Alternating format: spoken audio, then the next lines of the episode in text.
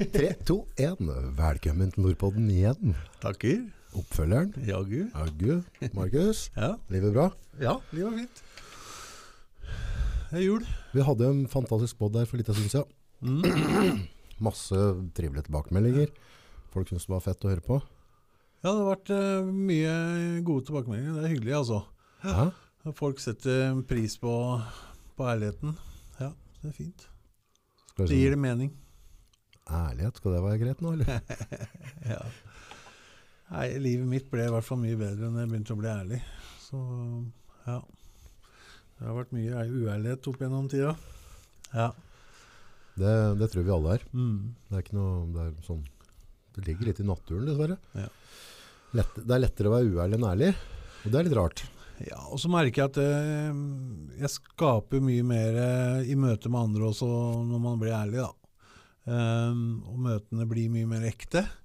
Og så er det gøy når jeg velger å, å være såpass Når jeg sitter uh, i en podkast eller når jeg er på et foredrag eller, sant, og forteller historien min, og sånn, så, så velger jeg å, å utbrodere ganske mye privat, på en måte. ikke sant? Det blir liksom veldig sånn Og noen kan jo synes at det er, eh, det er vanskelig å forholde seg til. Um, men så er det samtidig sånn at eh, hvis ikke jeg, som har jobba så mye med min historie som jeg har gjort, da, og liksom har ganske greit overblikk over ting eh, Hvis ikke jeg er i stand til å være ærlig på hvordan ting egentlig er, hvordan skal andre da klare å være ærlig på hvordan ting er? Ja. Så jeg ønsker liksom å bare være en som kan gå foran og vise at eh, du dauer ikke til å være ærlig. Eh, det kan hende at du får det litt bedre òg. Um, og så får jeg tilbakemeldinger som eh, en som hadde hørt på den forrige podkasten, som hadde måttet ta den i flere omganger for at det, det ble for tøft å høre på. Uh, fordi at det, han sitter med veldig mye egne erfaringer som er like mine, så det skaper mye ja, Åpner mye greier i han. Uh, og da tenker jeg at det er jo kjempefint. Ja, det gir jo en mulighet. Ja, for jeg tror eh, bortimot alle som hører den, og jeg anbefaler å høre den podcasten som vi hadde tidligere også, kanskje før du hører den her hvis ikke har hørt den, det gjør det som du vil med. Men uh, mye av de tingene du var innom der, det skal jaggu mye til om du ikke kjenner deg igjen i noe. Mm, mm.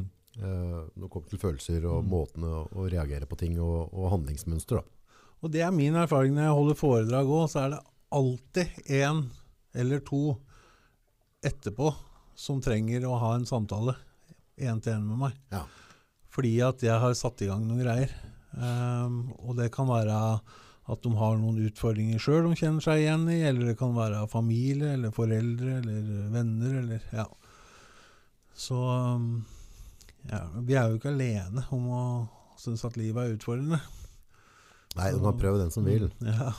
Det er livet, det er noen Ja, utfordringer med det. Ja.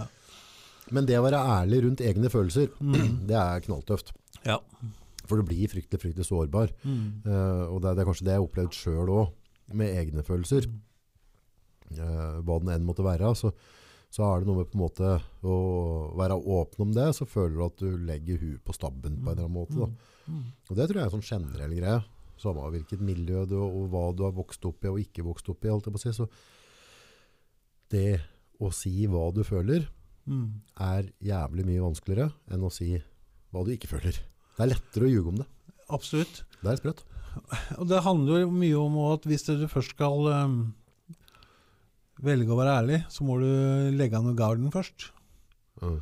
Og hvis du har brukt hele livet ditt på å bygge denne garden, og de der maskene og det der forsvaret, så ingen skal se deg, se, se at du er liten og redd, eller se at du skammer deg, eller hva som er greia, da. Um, så tar det selvfølgelig lang tid å Mm. tørre. Og så hvis du i tillegg har eh, en livserfaring som tilsier at uh, du ikke kan stole på folk, du har blitt uh, utnytta eller misbrukt eller lurt eller uh, ikke sant, straffa eller i, gjennom hele livet. Og så skal du plutselig begynne å slippe garden og, og stole på folk og begynne å være ærlig og være sårbar. og sier seg sjøl at det, det er en heavy prosess. Eh, men det er fryktelig verdifullt, da. Um, og det gir eh, virkelig mening når man klarer det. Mm. er min erfaring. Mm. I forhold til din erfaring ja. Dette blir jo litt sånn en følgepod. Mm. 2006, Ja. da, da begynte det å skje ting eh, ja. dramatisk egentlig i livet ditt. Ja. Nei, da var jeg Vi snakker jo om å nå denne personlige bunn. Altså, og det har liksom vært en sånn følgestong følgetong i, i alle mine år hvor jeg har vært inne i behandlingsapparatet, enten som pasient eller som eh, eller som uh, profesjonell. da. Det er liksom, Vi snakker hele tiden om den personlige bånd. Du må nå din personlige bånd før du er villig til å ta ansvar og velge å gjøre noe annerledes. Må en del? Hvordan stopper det før? Ja, men det var, det var en som sa denne Fordi at man kan tenke at ok, nå bånd, da må du flytte til Oslo og havne på gata og stå i Brugata. Liksom. Det er bånd. Mm. Uh, men det er jo ikke sånn. Uh, den bånden er jo fryktelig individuell. Uh, jeg har jo hatt folk i behandling som har nådd bånd bare fordi at de mista førerkortet, eller mista jobben, eller kona gikk, eller eh, Og så er det selvfølgelig de som har havna i Brugata òg. Men det er jo veldig variabelt. Men det var en som sa en gang uh, Bånd er der du er når du ikke orker å grave mer. Mm. Den, eh, den syns jeg var fin. Så det, det blir veldig individuelt. Altså Det handler om når er nok nok for meg. Mm. Og så kan det selvfølgelig være en helt annen list i forhold til deg. ikke sant? Og det er viktig å ha med seg, da. Eh, spesielt når vi skal begynne å jobbe med folk og, og møte forskjellig. Mm. Men for meg så var eh, Så var bånd nesten Brugata. Mm. Ja.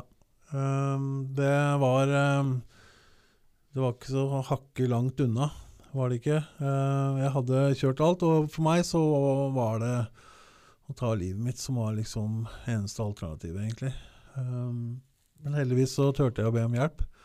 Og som jeg sa sist, så var jeg fryktelig heldig. Jeg traff på en, eh, en lege som uh, tok meg på alvor og fikk meg gjennom systemet, og jeg ble kjørt inn på avrusning og ble kjørt til Trondheim.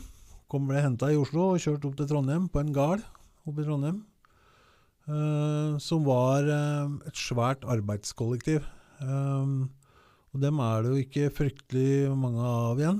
I distriktet her så har du Sollia-kollektivet, som er liksom den eneste uh, kollektivet som begynner å ligne. Jobb, Eh, ja, for altså- der jobb er fokus. Ja, hvor det handler om fellesskap, ansvar, jobb. Uh, og det her å, å stå om morgenen, gjøre en innsats, ha en betydning. ha en betydning for fellesskapet. Uh, og så selvfølgelig jobbe med relasjoner og historia di osv. Så, mm. så mm, nei eh, Jeg har alltid vært fryktelig takknemlig for at det var dit jeg havna. Og det var var bare tilfeldigheter, for jeg skulle egentlig på et eller annet eh, institusjon, jeg tror en kristen institusjon ute på Karmøy. Um, og så tenker jeg i dag at jeg er fryktelig glad for at jeg ikke havna der. Mm. Uh, men uh, det var liksom litt sånn tilfeldigheter, da. Ehm, jeg skulle Jeg blir så skeptisk med en gang sånn kristne institusjoner, for da er det sånn herre For at disse er misjonæra Ja. som står med vannflaska i ene hånda og Bibelen i andre, liksom. mm, Og så, men jeg skjønner jo at det er feil å tenke sånn, men det er by default så tenker jeg sånn liksom, med en gang de begynner å blande religion opp dette her, så blir jeg stressa. Ja. Nei, det har jo Det fins Det fins alltid folk med skjulte motiver, eller mindre skjulte motiver, eh, der ute. Både når det gjelder eh, behandling, eller om det er i barnevern, eller hva det er. da.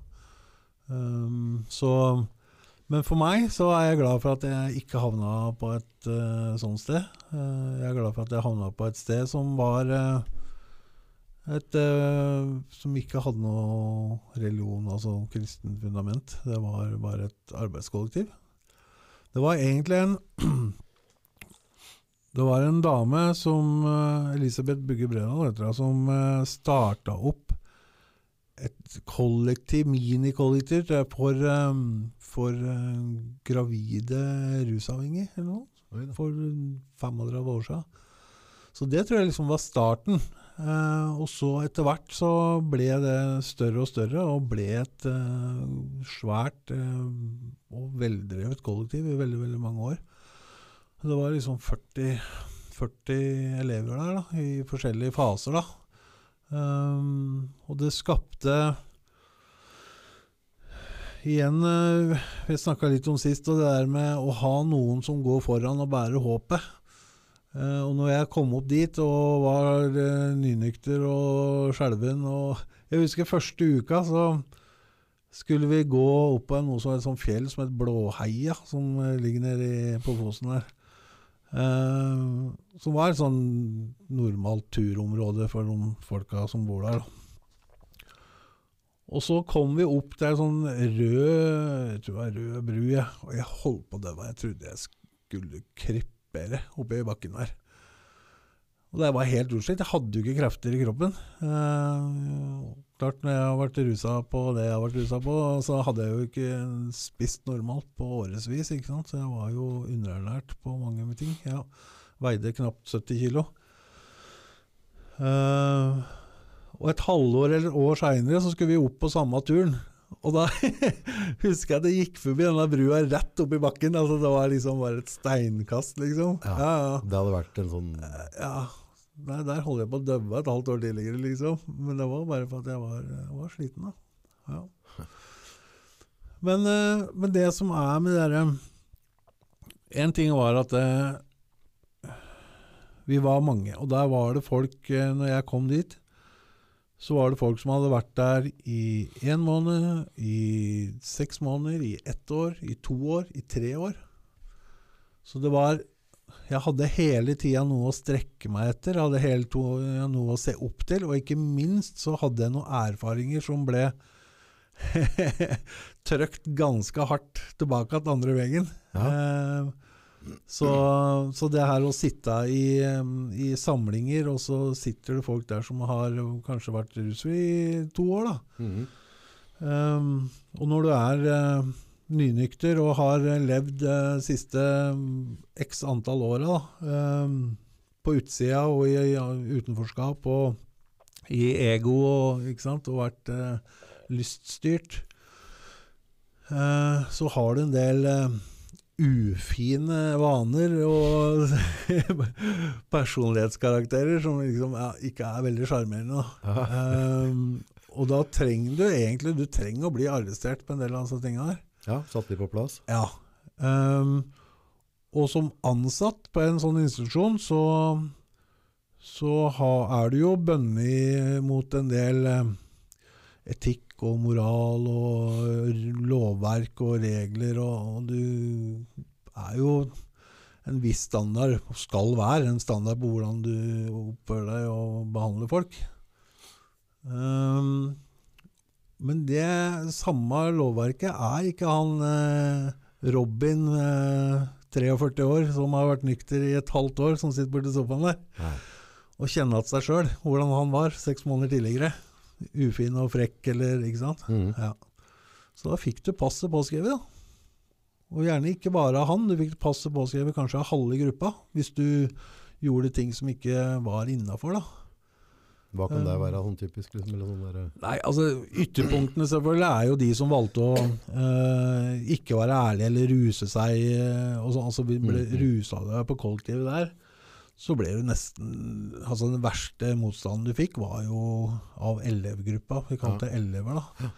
Da ble du nesten kjeppjaga fra gården. Altså, så Mhm. måtte jeg jo sånn slappe av litt nå. Dere må huske at eh, kalven var, eller oksa var kalv nå. Ja. Eh, men det var en sånn indre justis der som var ganske beina. Men det handla jo om frykt, det òg. Altså, jeg kjente jo igjen det seinere sjøl òg, at jeg var livredd for at folk skulle ruse seg på kollektivet, fordi at det gjør noe med tryggheten min òg. Mm. Fordi at det, utpå den der gården, utpå i skogen der, var det fryktelig trygt. Um, og så trygt hadde vi ikke levd på mange, mange mange år. Uh, og rusen var veldig langt unna. Den var liksom inne i Trondheim, den. Og da måtte du liksom om med hurtigbåten over Trondheimsfjorden, og det var liksom så det var en sånn trygt sted. Men kan det handle litt om eh, Hvis du ser svakheter i andre, da, Ja. som du har sjøl, Mm. eh, så har jeg en tendens til å reagere. Da. Så hvis jeg ser du gjør en ting, og så har jeg samme svakheten sjøl, men jeg, bare, jeg benytter meg ikke av svakheten, da, men så ser jeg du har den, så kan det bli ganske følelsesmessig. At, eh, da kan jeg bli ganske ufin, liksom. Og virkelig demme, demme, dømme deg da, på det. Og så er det egentlig akkurat det jeg egentlig er sjøl, bare at jeg er bare noen sekunder unna. Man blir trigga, vet du. Ja. Mm. Men det var så fint, fordi at eh, vi tåler jo vi altså, vi har levd ute på gata og levd i miljøet i årevis, så tåler du å få høre at du oppfører deg som en tulling. Du tåler å få høre sanninga. Mm. Um, og så For noen så tar det jo litt lengre tid at, før det synker inn, og for andre ikke fullt så lang tid. Men Mm. så er det liksom Det blir en sånn uh, kameratoppfostringstype, da. Eh, og så er det jo bare Til syvende og sist så er det jo bare kjærlighet. Det er jo folk som ønsker at det, å gi videre det de sjøl har fått. De ønsker å liksom si at 'jeg ser deg', du oppfører deg som en oi-oi, men det gjorde jeg òg for seks måneder siden. Nå ser du at jeg sitter her og oppfører meg ikke sånn lenger. Mm. Kan det være en idé å gjøre sånn som vi 40 andre sier at du burde gjøre, eller mener du fortsatt at du skal stå på at du har rett? Mm. Ja. Så det er liksom Det blir noe egoknekk der, da. Ja. Ja. ja. Men så er det Så er det det her med stå opp om morgenen eh, og faktisk eh, ta ansvar. Vi får tildelt arbeidsoppgaver eh, og blir satt i arbeid, og, og du, eh, du har et ansvar for at oppgava oppgaven skal bli gjort. Eh, og så er det eh, Det er noen som stiller krav. Det er noen som stiller krav til deg, og det er kanskje det beste i begynnelsen. Ja, for det er det en stund siden noen har gjort. Ja, For de har gitt opp det, folk. Ja, ja, ja. Men du blir stilt krav til. Eh, men så får du det belønninga av det, at du faktisk får noe mestring i det du driver med òg. Og du føler at det, du er en del av noe større, og at, eh, at folk òg setter pris på jobben du gjør. Og, ja, Men det må være vanskelig å bli stilt krav til òg, for du har jo på en måte kall det levd som en fri sjel og bare ja, gjort det du ville. ikke sant? Og der er det jo disse andre kommer inn, da. Og er med å korrigere litt, ikke sant. For det er mye korrigering av atferd og, og sånn i begynnelsen. Uh, og så er det å jobbe parallelt med det her, da. Så er det noen som sitter i den gruppa uh, og deler om prosesser de står i. Mm. Man er jo der fordi at man har et eh, rusproblem. Eh, man er der for at man ikke mestrer livet sitt, og man har kommet dit for å lære seg å mestre livet igjen. Og så må man jobbe med historia si og bearbeide alt det bakforliggende greiene. Um, for rusen er jo Rusen er jo egentlig ikke problemet. Rusen er jo bare symptomet, Der er det mye meninger. ikke sant? Det er et sånn spennende tema. Mm. Fordi at det, for meg så pro- Egentlig problemet mitt heter ikke alkohol eller amfetamin, liksom. Problemet mitt er uh, alle de der erfaringene som jeg har uh, hatt med meg i bagasjen min, som vi snakka om sist. Uh, alle traumene mine, eller redselen min, eller karakterdefektene mine, alt, alt dette greiene her. eh, som jeg har trengt rus for å få friminutt fra, eller rømme fra, eller Så egentlig så er jo rusen bare symptomet. Mm. Ja, for det, dette har jeg tenkt mye på sånn her i forhold til um, legalisering av marihuana, Mm. ditt og datt. Det er mye Mm. diskusjoner rundt dette der. Mm, mm. Og, men det som Det spørsmålet jeg aldri egentlig får svar på Si at okay, det er 13-14-åringer som står og ruser seg i skolegården. Hvorfor er det behovet der? Altså, hvor kommer det behovet? Altså, jeg kan ikke Jeg skjønner det at det er et problem at det flyter med knark på gata, Mm. og at tilgjengeligheten er der. Men hvorfor er behovet for den tilgjengeligheten? For det er jo ikke sånn at, at en 13-14-åring blir tvunget til å gå og gjøre dette her. Det er jo ikke sånn at den er et gatebarn i et eller annet land der den må, må døyve alt. Er, er vi på tur inn i en, et eller annet samfunn som gjør at 12-13-14-åringer har behov for å ruse seg? Jeg tror det er kanskje stemma mi som driver og... Ja, ok. Det er ikke noe å bry seg om. Altså, hvorfor? Hvorfor er det et økende behov for yngre mennesker, barn, å begynne å ruse seg? Hvor, hvor faen kommer dette fra? Jeg, tror, eh, jeg tror tenåringer i dag lever under et press som, eh, som vi ikke var i nærheten av, i August. Det tror jeg virkelig. Ehm, og jeg syns at livet mitt var utfordrende nok som det var, altså, Ja. når jeg var tenåring. Og jeg syns det var vanskelig. Eh, men jeg tror at med alt det presset som blir tuta ned over øra på ungdommen i dag, eh, fra sosiale medier og, og venner og, og, og Karakterer, alt, status. Ja, ja. Eh, jeg tror det skrur opp dette her presset noen solide hakk. Ja, for hvis vi er ærlige, og så sier vi Mm. at, at du ikke hadde fått de erfaringene du fikk da, Mm, i et tidlig mm. stadie, så hadde mest sannsynlig ikke du begynt å knarke heller. Så, altså, så det, dette er ikke altså Det er så jævla fokus på strafferammer. Det er så fokus på eh, at liksom tilgjengeligheten på knarken og ditt og datt. Altså, og jeg ser den, det skal være av det òg. Men hvor blir det av fokuset på hvorfor har barn, altså, når du, når du altså unger i tolvårsalderen som står og ikke må- hva, hva? Jeg tror at eh, de, eh, de finner friminuttet sitt der. Jeg tror de har behov for et eller annet friminutt som de ikke får, eh, får kanalisert ut et annet sted. Så det er mer et samfunnsproblem enn et kjemisk stoffproblem. Ja, ja, definitivt. Ja. Ja, ja.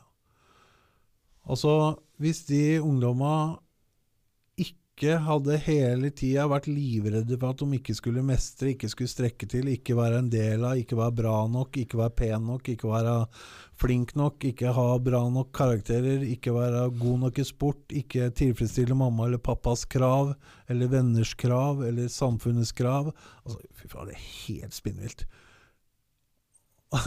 så på et eller annet tidspunkt så blir det overload, liksom.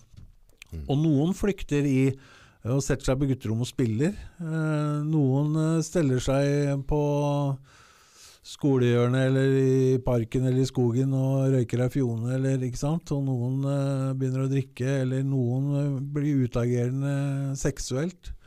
Noen blir jo kretsmestere og norgesmestere og i en eller annen idrett, ikke sant. Alt dette er egentlig det samme i min bok Mhm. Mange ganger. Jeg sier ikke at alle som eh, gjør det bra i idrett, eh, er ute og sykler. Det er ikke det jeg sier. Nei, nei, nei. Men, men, men, det ikke, men det jeg prøver å si, er at det, det må ikke være uh, han som står og røyker marihuana, som har det største problemet. Nei. Eller han som, han som sitter og gjemmer seg på rommet og gamer, eller uh, han eller hun som uh, driver og gir bort kroppen sin til alle som vil ha, eller den som eh, bare er på å prestere og være best og få til alt, liksom, kan ha det like vanskelig. Men de, altså alle har funnet sin måte å få kanalisert ut dette er det indre trykket. Da. Og hvis den måten er innafor det vi har bestemt at det er eh, ok i samfunnet vårt, så, så blir det ikke snakka om. Nei, ikke sant? Og da, da er de på Da er de all or on, da. Mm. Igjen, da.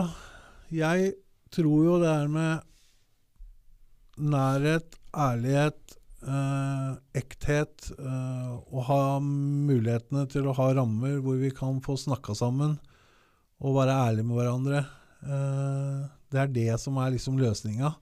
Og i det så ligger den tidsklemma som vi er litt fanga av. Um, og jeg tror veldig veldig, veldig mye familier er fanga i den tidsklemma som gjør at i dag så har de ikke tida til å egentlig sette seg ned og snakke om det som egentlig betyr noe.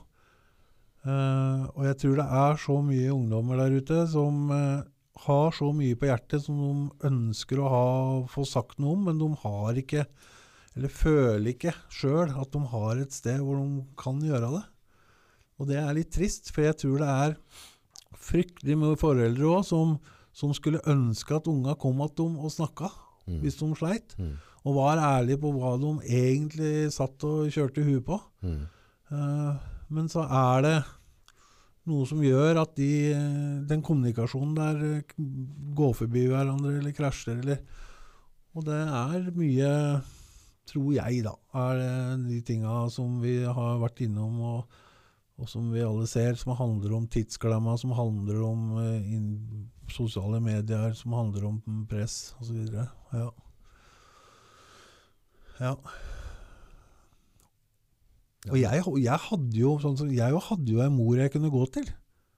Ikke sant? Hun har jo sagt det, Mora mi har jo sagt det mange ganger. Hun at 'Hvorfor kom du ikke og sa noe til meg?' Ja. Men det ble ikke sånn. Og hvorfor?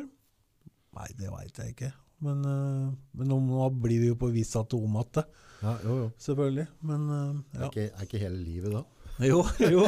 Men, men jeg tror at egentlig så er dette problemet her nødvendigvis ikke så fryktelig vanskelig å gjøre noe med. Men vi må få en bevissthet om det. Og vi må begynne å snakke om det. Og vi må ta det på alvor. Og vi må få det på agendaen. Ja, for agendaen og bevissthet, det er jo sånn derre altså, Igjen, jeg skjønner og, og har full empati for det på en måte at vi, at vi må bruke ressurser på å stanse knarken som flyter på gata og sånne ting. Vi kan ikke drive og selge dette rundt på Snapchat til ungdommer, og det, det er dumt at vi har dette tilgjengelig der. Mm. Det er helt i orden. Men på en eller annen måte så fjerner vi fokus fra den virkelige problemet. Og det er at yngre mennesker ønsker å bruke det. Mm. Det er der for faen problemet ligger. Mm. Er du med vater, så kan det være et tilbud om heroin på hvert et jævla hjørne. Du går ikke an å ta det. Du går, ikke- altså, du går ikke å ta det likevel. Nei. Hvis du har det sånn noenlunde sunt med deg sjøl. Og det, det må jo være eh, sånn derre terningkast seks i krisefare. Ja. At ungdommen vår lever i et system der det faller seg naturlig å begynne å ruse seg i 12-13-14-årsalderen. Ja, og det er legaliseringsdebatten er jo øh, Den kan vi jo ha en helt egen Mm. pod på. Um, min øh, standpunkt der er vel Er jeg for en rusreform? Ja, definitivt. Uh, er jeg for den rusreformen som ble lagt fram og nedstemt sist? Uh, nei, det er jeg ikke. Jeg mener at uh, den, er for, den, er, den er svak, og det er ting ved den som, som jeg mener at ikke er bra nok. Men trenger vi en endring, og, og må vi slutte å straffe og bøtelegge altså gutta og damene nede i Brugata? Definitivt. Um, også i forhold til det med cannabis og sånn, jeg, jeg tror det løpet er kjørt. Jeg tror at i løpet av fem-ti år så er det legalisert. Det som er litt trist, er at eh, cannabis er ikke det det en gang var. Nei. Altså den der cannabisen som ble røyka i Slåssparken på 70-tallet, eller i Oslo på 80-tallet, eller for så vidt den samme hasjen som jeg røyka på 90-tallet, liksom, er ikke i nærheten av det som er i omløp i dag. Det er ikke det? Nei, nei, nei. For det, i dag så er det genmodifisert, og det er eh, skapt fram i laboratorier, og det er styra med, og det liksom Og vi, vi har ikke begynt å snakke om syntetisk. Altså Vi snakker bare om vanlig hasj, liksom. Ja. Som uh, inneholder THC-mengder som er flergangeren. Okay. Det som jeg fikk tak i når jeg var aktiv, liksom. Og Ja. det var jo 15 år siden, 20 år siden, ikke sant? Ja. Um, så um, Og så har du syntetisk i tillegg, som er helt spinnvilt, da. Okay. Som er liksom 200-gangeren, eller eh, Du har jo fentanyl, er liksom 10 000 ganger sterkere morfin, liksom. Oi. Ja, og så har du syntetisk hasj som er sånn 200 ganger sterkere enn uh, gatehasj, liksom. Altså, det er jo helt spinnvilt. Så hasj er ikke hasj mer? Nei, det er ikke det. Det er ikke det. Og jeg ser på Så det er ikke det innvandrere satt i fredspipa med, liksom? Nei, definitivt ikke. Um, og der eh, Det kombinert med alt det der presset og alt det som er ellers, så ser vi en markant økning av psykiske problemer som følger med. Eh, og så begynner de veldig, veldig unge. Det er ikke til å diktere, liksom? Nei, nei, nei, nei. Og så eh, begynner de veldig, veldig unge. Eh, og begynner med så sterke rusmidler som det faktisk er, eh, før hjernen liksom har fått utvikla seg ordentlig. Kanskje det er en stor faktor for at det blir en psykisk eh, problem nå. Så blir, altså jeg ser at de, mange av de pasientene jeg har jobba med de siste åra, blir jo bare sjukere og sjukere. Altså det blir mer og mer ROP-pasienter, altså rus og psykiatri. altså At det blir en sammenblanding der. Mm. Og så har vi et behandlingsapparat i Norge hvor psykiatrien har blitt bygd ned og bygd ned og bygd ned og bygd ned nå i de siste 10-15 åra. Som er helt krise. Eh, og de eh, kommer pasienter der. Nei, du, er, eh, du ruser deg for mye, så du passer ikke inn her. Og så blir de sendt til rusbehandling. Nei, du er for sjuk psykisk, så du passer ikke inn her. Og så handler de midt imellom to stoler. Nei. Og så får de ingenting.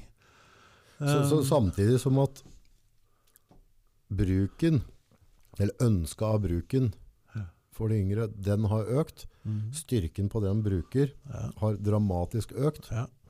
Og så i samme råd så har vi bygd ned systemet som skal plukke opp dette. Ja, Det er helt riktig. Det er Og det er psykiatrien. eh, Og nå driver de med rus, eh, rusen òg. Fordi at det, det vi ser nå, når jeg kom inn i behandling, når jeg ble kjørt til Trondheim, så fikk jeg beskjed om at eh, ja, hvor lenge skal jeg være her? Nei, nå får du bare slappe av, du skal være her til du er frisk, du. Ikke sant? Behandlingstida var to til tre år. Ikke sant? Ja. Så det var liksom ikke noe I dag, når du kommer inn, så får du beskjed om at behandlingstida di den er ni måneder. Så det betyr at 15. april så skal du ut. Da er du liksom ferdig. Eller ja, Ja. ut ifra når du kommer inn, da. Men det jeg ser nå, det er at eh, liggedøgn, som det kaller det, sånn når en pasient er innlagt på en institusjon og bor på den institusjonen, så er det en døgnpasient. Altså, da har han liggedøgn. Da, og da, ja, masse administrativt dette her, da. Men det vi ser, er at de liggedøgna blir borte. For når jeg var i behandling, så var det to til tre års behandlingstid. Ja. I 2006, 7, 8. Og så 9-10 der. Da tror jeg de kutta ned til Da var det liksom et år. Og så ser man at eh, ja, det er nesten ingen som blir rusfri ja, på den tida. Og Det kan jeg komme tilbake til litt, og hva jeg tror det handler om. Eh, og så har det bare gått nedover og nedover. Eh, Hva er motivasjonen til det? penger. Gode gamle penger, sikkert. Ja, ja. ja. Det er helt, helt 190 overbevist om. Ja. Um, og så er det politikk og administrativt og alt dette greiene der. Um, men liksom de første åra var det fullt mulig å få et halvår ekstra. altså Hvis de så at eh, nei, du kom ikke mål på ett år, da fikk du forlengelse et halvt år. Nå tror jeg det er fryktelig vanskelig. Eh, og så begynner de å nå Det siste de jeg hørte de gjorde nå, det var fordi eh, Tyrili, som er en stor aktør, aktør i Norge, de eh, har på gamle Tyrili-tunet og på Lillehammer så har de hatt en egen avdeling for de aller mest slitne. Altså, vi snakker da gjerne kanskje mm, misbrukere som eh, har kommet litt godt opp i åra, og som har eh, kanskje 20-30-40 års fartstid med rus. Da, ikke sant? Mm. Eh, trenger lang tid på å komme til hektene og få stabilisert og komme i tilfriskning. Så tydelig har beholdt en egen avdeling på Gamletunet liksom, for Mm. disse her. da, jeg tror en 20 plasser eller noe sånt, som finansiert gjennom Oslo. da. Eh, nå, ble de, nå mista de dem. Fordi at der var behandlingstida uh, uttalt at var lenger enn ett år. Disse, Mm, mm. Den pasientgruppa her den blir ikke friske på et år. Nei. Vi får ikke dem inn i noen rammer. De klarer ikke å lære seg å håndtere følelsene sine og leve inn under noen rammer som samfunnet gjør at de kan klare seg på egen hånd. Altså disse trenger tid. Mm. Og et år holder ikke. Og det er uttalt. Og så sier de at nei. Så nå har de mista. Og jeg er helt overbevist om at dette handler om denne utviklinga som handler om at det målet i andre enden, den politisk styrte vilja i andre enden, er at all rusbehandling skal foregå poliklinisk. Det vil si Det betyr at det blir slutt på kollektiv. Det blir slutt på å bo på en institusjon over tid og få stabile, trygge rammer og, og få den tida du trenger på å få landa på føtta, liksom. Så du skal ta bort den menneskelige biten av det? Ja, du skal, du skal få en timeavtale på onsdag klokka to til en eller annen eh, psykolog eller sosionom eller et eller annet, så skal du få hjelp der. Så kan man jo begynne å diskutere. Han der eh, Ronny i Brugata, han, hvis du sier at han har time onsdag klokka to, han vet jo faen ikke åssen dag det er engang. Ikke sant? Nei. nei. Eh, og i hvert fall ikke at eh, han skal klare å overholde en timeavtale om tre dager, liksom. Altså, det er helt spinnvilt. Sanninga er at, og det er en, sikkert det som blir brukt som argument, at de aller, aller fleste i dag som har et rusproblem, eller som har psykiske utfordringer, Mm. får behandlinga si poliklinisk. De får behandlinga si gjennom eh, psykologtimer, gjennom å ha en eh, oppmøtesession nede på Sanderud, eller De aller, aller fleste gjør det. Altså, hvis vi, ja, igjen, ikke faktasjekk noe tall, for Mm, dette har jeg ikke nei. uh, ordna noe tall på, men si liksom at eh, 90% av de som blir behandla i dag, liksom blir behandla poliklinisk. Ja. Og det er for den gruppa helt reelt og helt fornuftig at de skal det. De, skal, de trenger ikke å inn på noe døgn, og de trenger ikke å, liksom, at staten skal bruke millionvis av kroner på å ha dem inne. Men det betyr ikke at det, den modellen fungerer for disse her siste Nei. prosenta. For de trenger noe helt annet. Så det du påstår er at mennesker er forskjellige? Ja, definitivt. Oh. Ja. Ah. Men ikke sant, sånn som jeg har vært, eller de som jeg var i behandling sammen med, som hadde vært ute og brukt eh, rusmidler i 10-20-30 år. Noen av dem faktisk oppe i kanskje 40 år. Og så mener de nå at det, når du skal avlære alle mønstrene, du skal ta ned denne garden vi snakka om i stad, som du har brukt 20 år på å bygge opp, eh, fordi at du aldri kunne stole på folk, fordi at eh, da har du fått deg en på trynet. Det er all din erfaring. Og så sier vi nå at eh, nå skal du inn i behandling, og så i løpet av seks måneder så skal du plukke av denne garden. Og så skal du plukke av deg alle disse karakterdefektene som du har bygd på deg, all denne atferden din, og, som egentlig bare handler om utrygghet eller ting du ikke har lært. Og så skal du lære en ny måte å leve på, og så skal du få tilegna deg å se verdien av livet. Og det, det vi skal huske på der òg, er at øh, når det kommer til sånn muskelhukommelse, om du har trent før osv., så, Mm. videre, så kommer det lett tilbake igjen. Mange av disse der har jo ikke Nei. levd normalt noen gang. Nei, Så altså, altså, de skal, altså, det er ikke nok at de skal lære å leve på nytt sånn de gjorde før. De skal lære et eller annet de aldri har gjort før. Nei, og der har du forskjellen.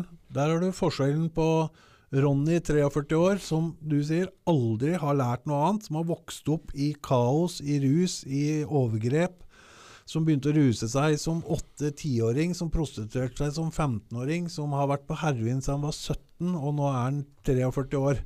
Ikke sant? Og han har bodd mer eller mindre på gata.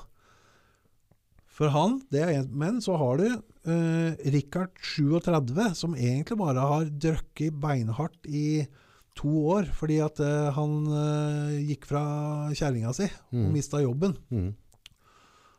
Han, som du sier, har jo allerede et liv, lært liv. Liksom. Ja, ja, ja, han, har, ja. Han, kan, han kan gå tilbake til noe. han kan gå tilbake til noe. Han har, en annen, han har noe erfaring med noe annet. Som han kan bare gå tilbake til. Mm. eh, med å få litt veiledning og litt hjelp og litt kunnskap og innsikt og alt det der. Ikke sant? Men det har ikke Ronny. Han må lære alt på nytt. Hvordan klarer du å sammenligne de to gruppene? Det er det de prøver, da. Eller eh, velger å ikke se eller eh, overse eller ja. Det er litt sånn uhumant, hele opplegget. ja, fryktelig. For det, det beste med det stedet jeg kom til, det var jo Ok, jeg lærte å ta ansvar, og jeg ble satt uh, krav til, og jeg fikk oppleve mestring og alle de tinga her. Men det en annen ting var alle de tinga vi gjorde utenom. Vi dro på skiturer, vi dro på jakt, vi dro på fiske. Eh, vi eh, dro på turer ut eh, og bare tente bål i fjæra. Eller altså Vi satt eh, på kvelda og så film og Gjorde vanlige ting. Ja, vanlige ting. Ja. Som ga meg en gnist til Oi, for faen, det er jo faktisk kult å leve. Det er kult å leve nykter. Ja. Ikke sant? Det hadde jeg, det hadde jeg slutta å tro på i min rasjonalisering og rettferdiggjøring av det jeg drev med. Jo, jo. For det er jo det du driver med når du ruser deg. Så det er jo Innerst inne så forstår man jo egentlig, men så må du rasjonalisere og rettferdiggjøre og bortforklare alt dette greiene for å kunne forsvare det du driver med. Ja. Det er en overlevelsesinstinkt, det òg. Men så gjennom alle de opplevelsene jeg fikk der, så, så fikk jeg også det derre Oi, fy faen, det her er jo faktisk verdt det. Ikke sant? Jeg kom til, jeg kom til Langeland med en tanke om at hvis ikke jeg oppnår det jeg ønsker i løpet av fem år, så kan jeg bare ta livet av meg. For jeg husker jeg satt da nede i Oslo der når jeg ba om hjelp, så hadde jeg egentlig en tanke på at jeg skulle prøve å ta livet av meg igjen. Mm. Men sånn, idet jeg valgte å be om hjelp, så tenkte jeg at ok, jeg skal gi det her Det er mulig at jeg var nede på ett år til å begynne med, men det var, jeg husker i hvert fall fem år var en sånn grense jeg satte meg ganske tidlig. Hvis jeg ikke kommer i mål med det prosjektet her, liksom, på fem år, da kan jeg jo ta livet av meg. Så det var liksom bakdøra, på en måte. mm. Men etter hvert, da når jeg fikk de her opplevelsene og erfaringene her, så, så ble denne bakdøra lenger og lenger unna. Fordi at eh, jeg begynte å se at å ja, det var faktisk verdt det å liksom leve, og ting ga meg det var, Jeg fikk noe positivt ut av det. Ting ga mening. Ja, definitivt. Mm. Og eh, jeg mener jo sjøl at jeg var på Norges beste kollektiv, selvfølgelig. Eh, og det er bare supertrist at ikke andre får muligheten. Er ikke det kollektivet mer? Nei, det er borte.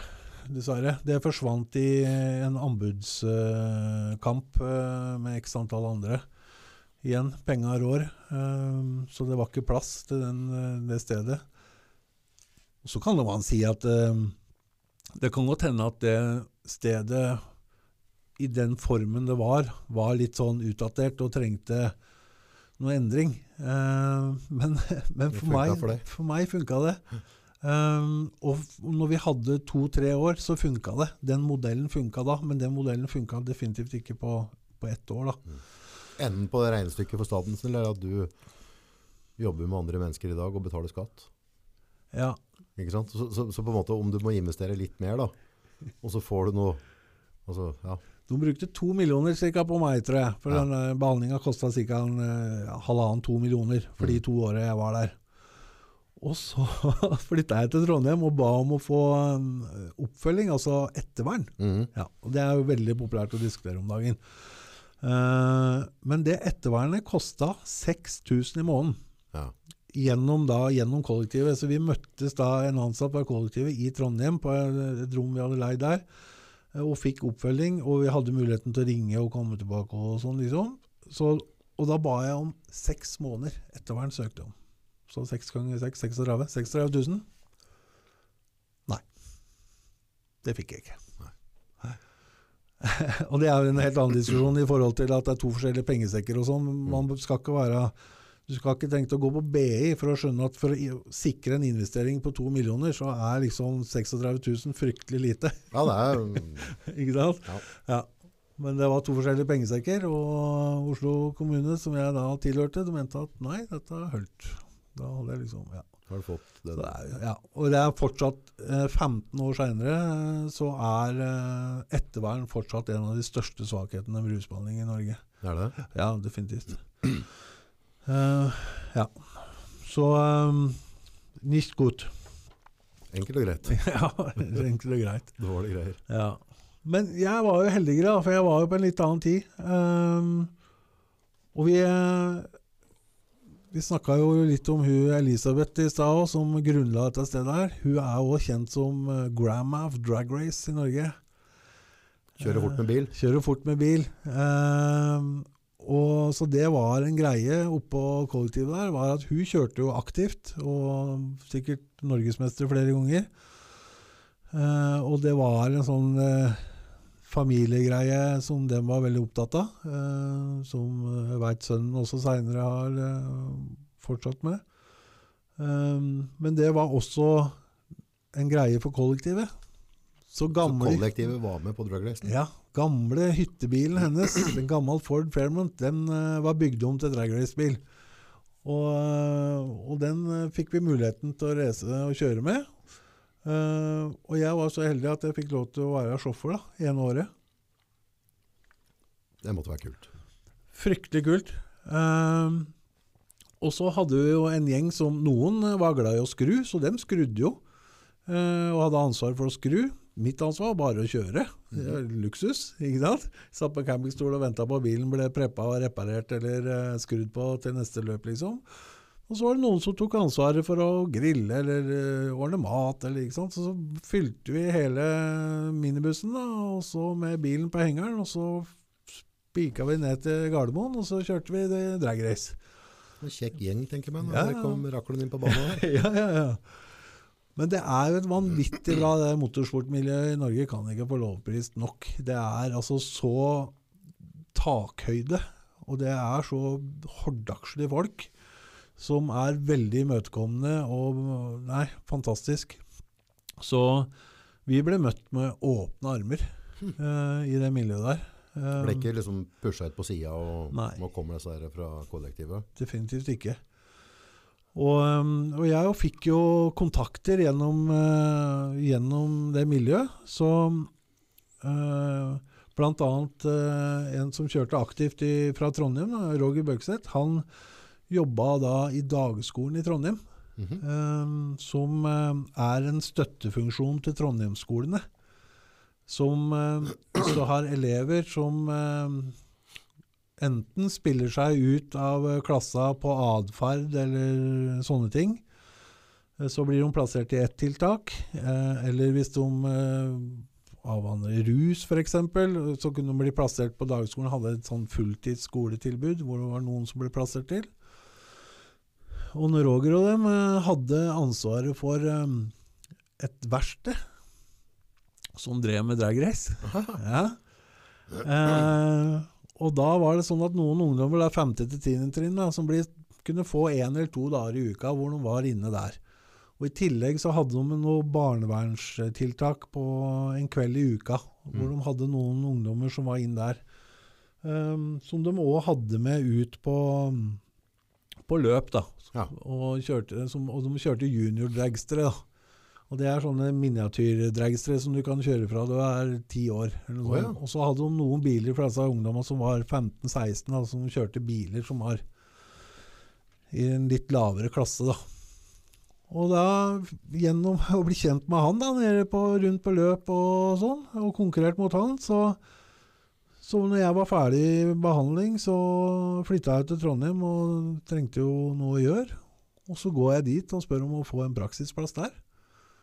Og gjennom da de bekjentskapene jeg har fått eh, gjennom det her, så kjente han meg, så han eh, hadde tillit til meg og stolte på meg nok til å liksom gi meg en praksisplass.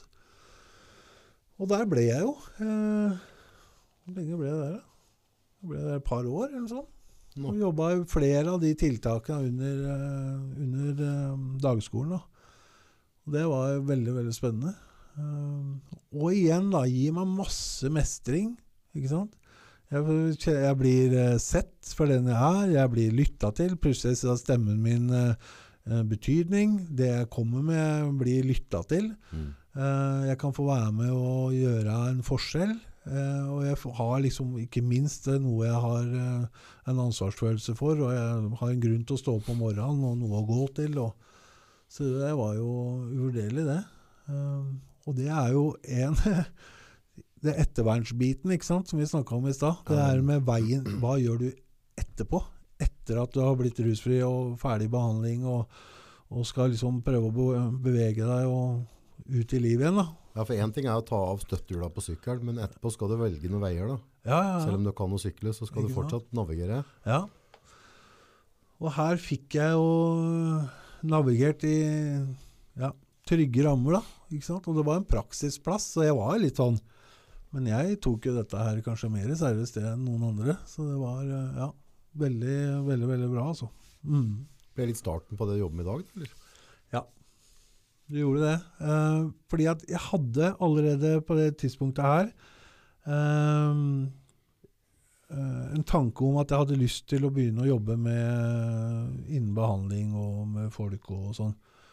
Eh, veldig, veldig, veldig mange som får hjelp, og som er i behandling i dag, eh, har lyst til å gå den veien. Ja.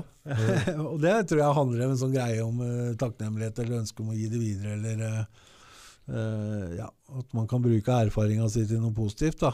ja, så har du sett det fra andre sida, og Ja, unner Ja. andre folk å oppleve det samme som deg.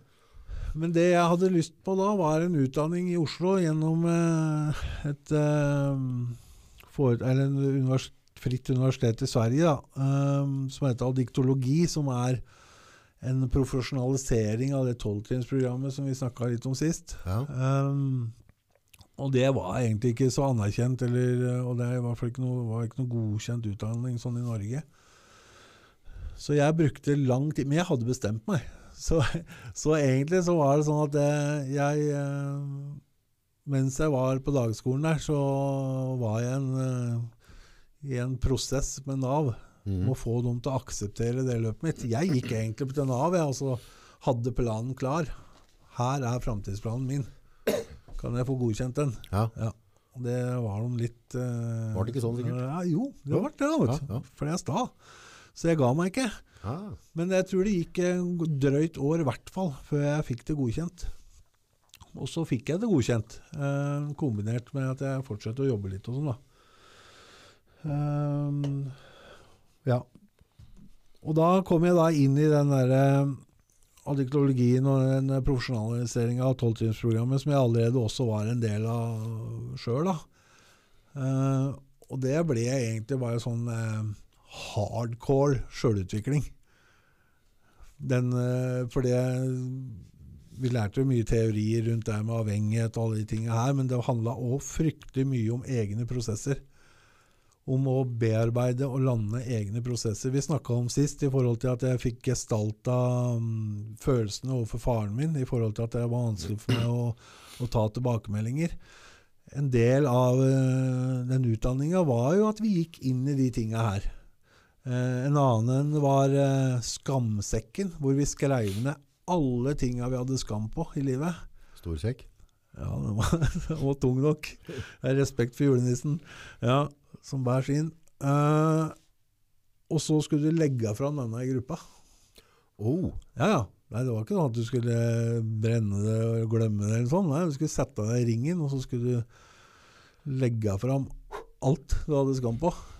Det var én prosess, da. Ikke sant? Mm.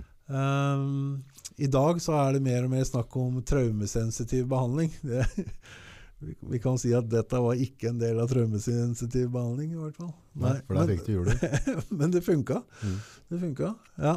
Eh, Så de her åra ble, ble veldig, veldig bra. Og jeg ser viktigheten av dem i dag, med det her med å skulle jobbe med andre mennesker.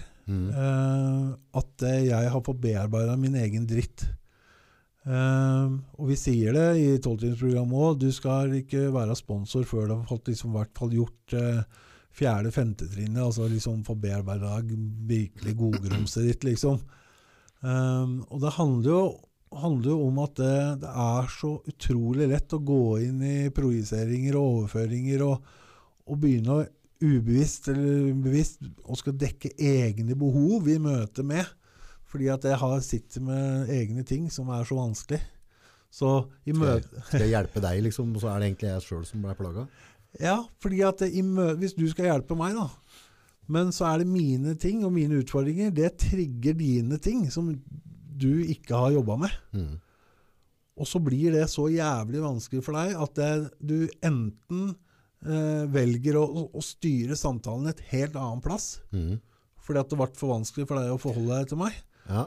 Eller så kan du begynne å skal gå inn og, og, og fikse meg før jeg kanskje er klar for det. For det er egentlig ditt behov. ja. Ikke sant?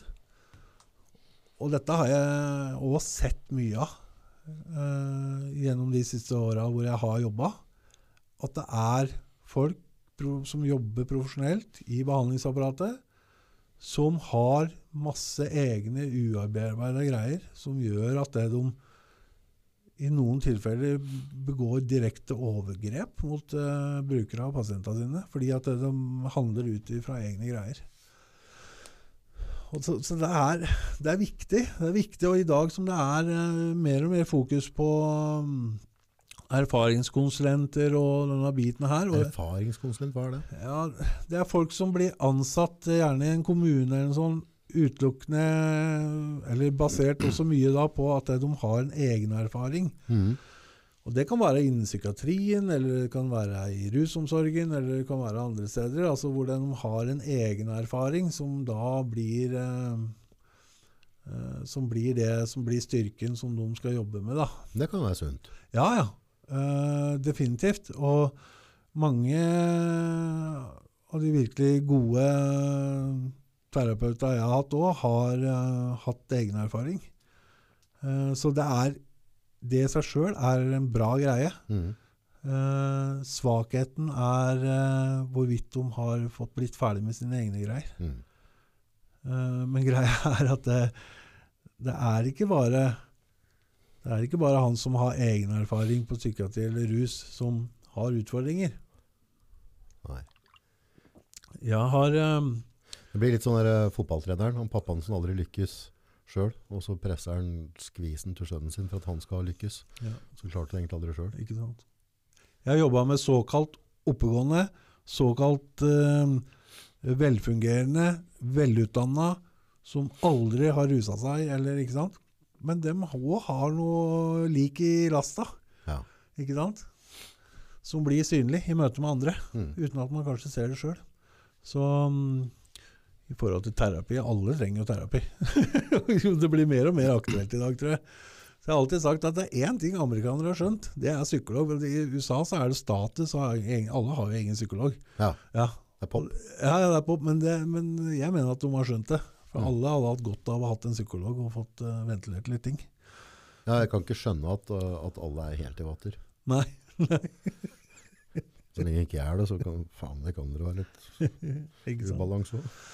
Ja, alle har, alle har litt, eh, men, men vanligvis så er det kanskje ikke problem for noen andre enn oss sjøl, fordi at eh, vi jobber med det, altså vi skrur bil, eller vi lager mat, eller vi kjører trøkk, eller kjører lastebil, eller Men når du går inn og begynner å jobbe med personer som har livsutfordringer, som eh, du skal begynne å ned og jobbe i, opp imot traumer og, og det der, så blir ting litt mer eh, avansert Mm. og, og litt mer skummelt. Um, så um, ja, da er det viktig å være mye mer bevisst, da. Mm. Mm. Så, og jeg har jo jeg har jo hele tida veien, også etter at jeg tok den utdanninga, så har jeg jo også fortsatt den derre sjølutviklinga, da. Um, vært på middag med mor, da. Det er Stappmett, for eksempel. Men det interessante er, altså selv om du prater på en måte hardcore avrusning her, Ja. så alt det du prater på her, kan jo flyttes over til et, et liv som ikke sliter med rus, da, Ja, ja. men på en måte som ikke benytter seg av de talentene han har pga. ditt eller altså selvfølelse. Mm. Altså, det er jo sånn interessant, for det er ganske mye klare paralleller Mm. på e egne liv, på en måte, altså liv som ikke er så ekstreme som det du har hatt da. Ja, men da er vi tilbake på det vi sa i stad, da. Når rusen bare er symptomet. Mm. Ikke sant? Mm. Jeg valgte til slutt å ruse meg. Det ble min løsning.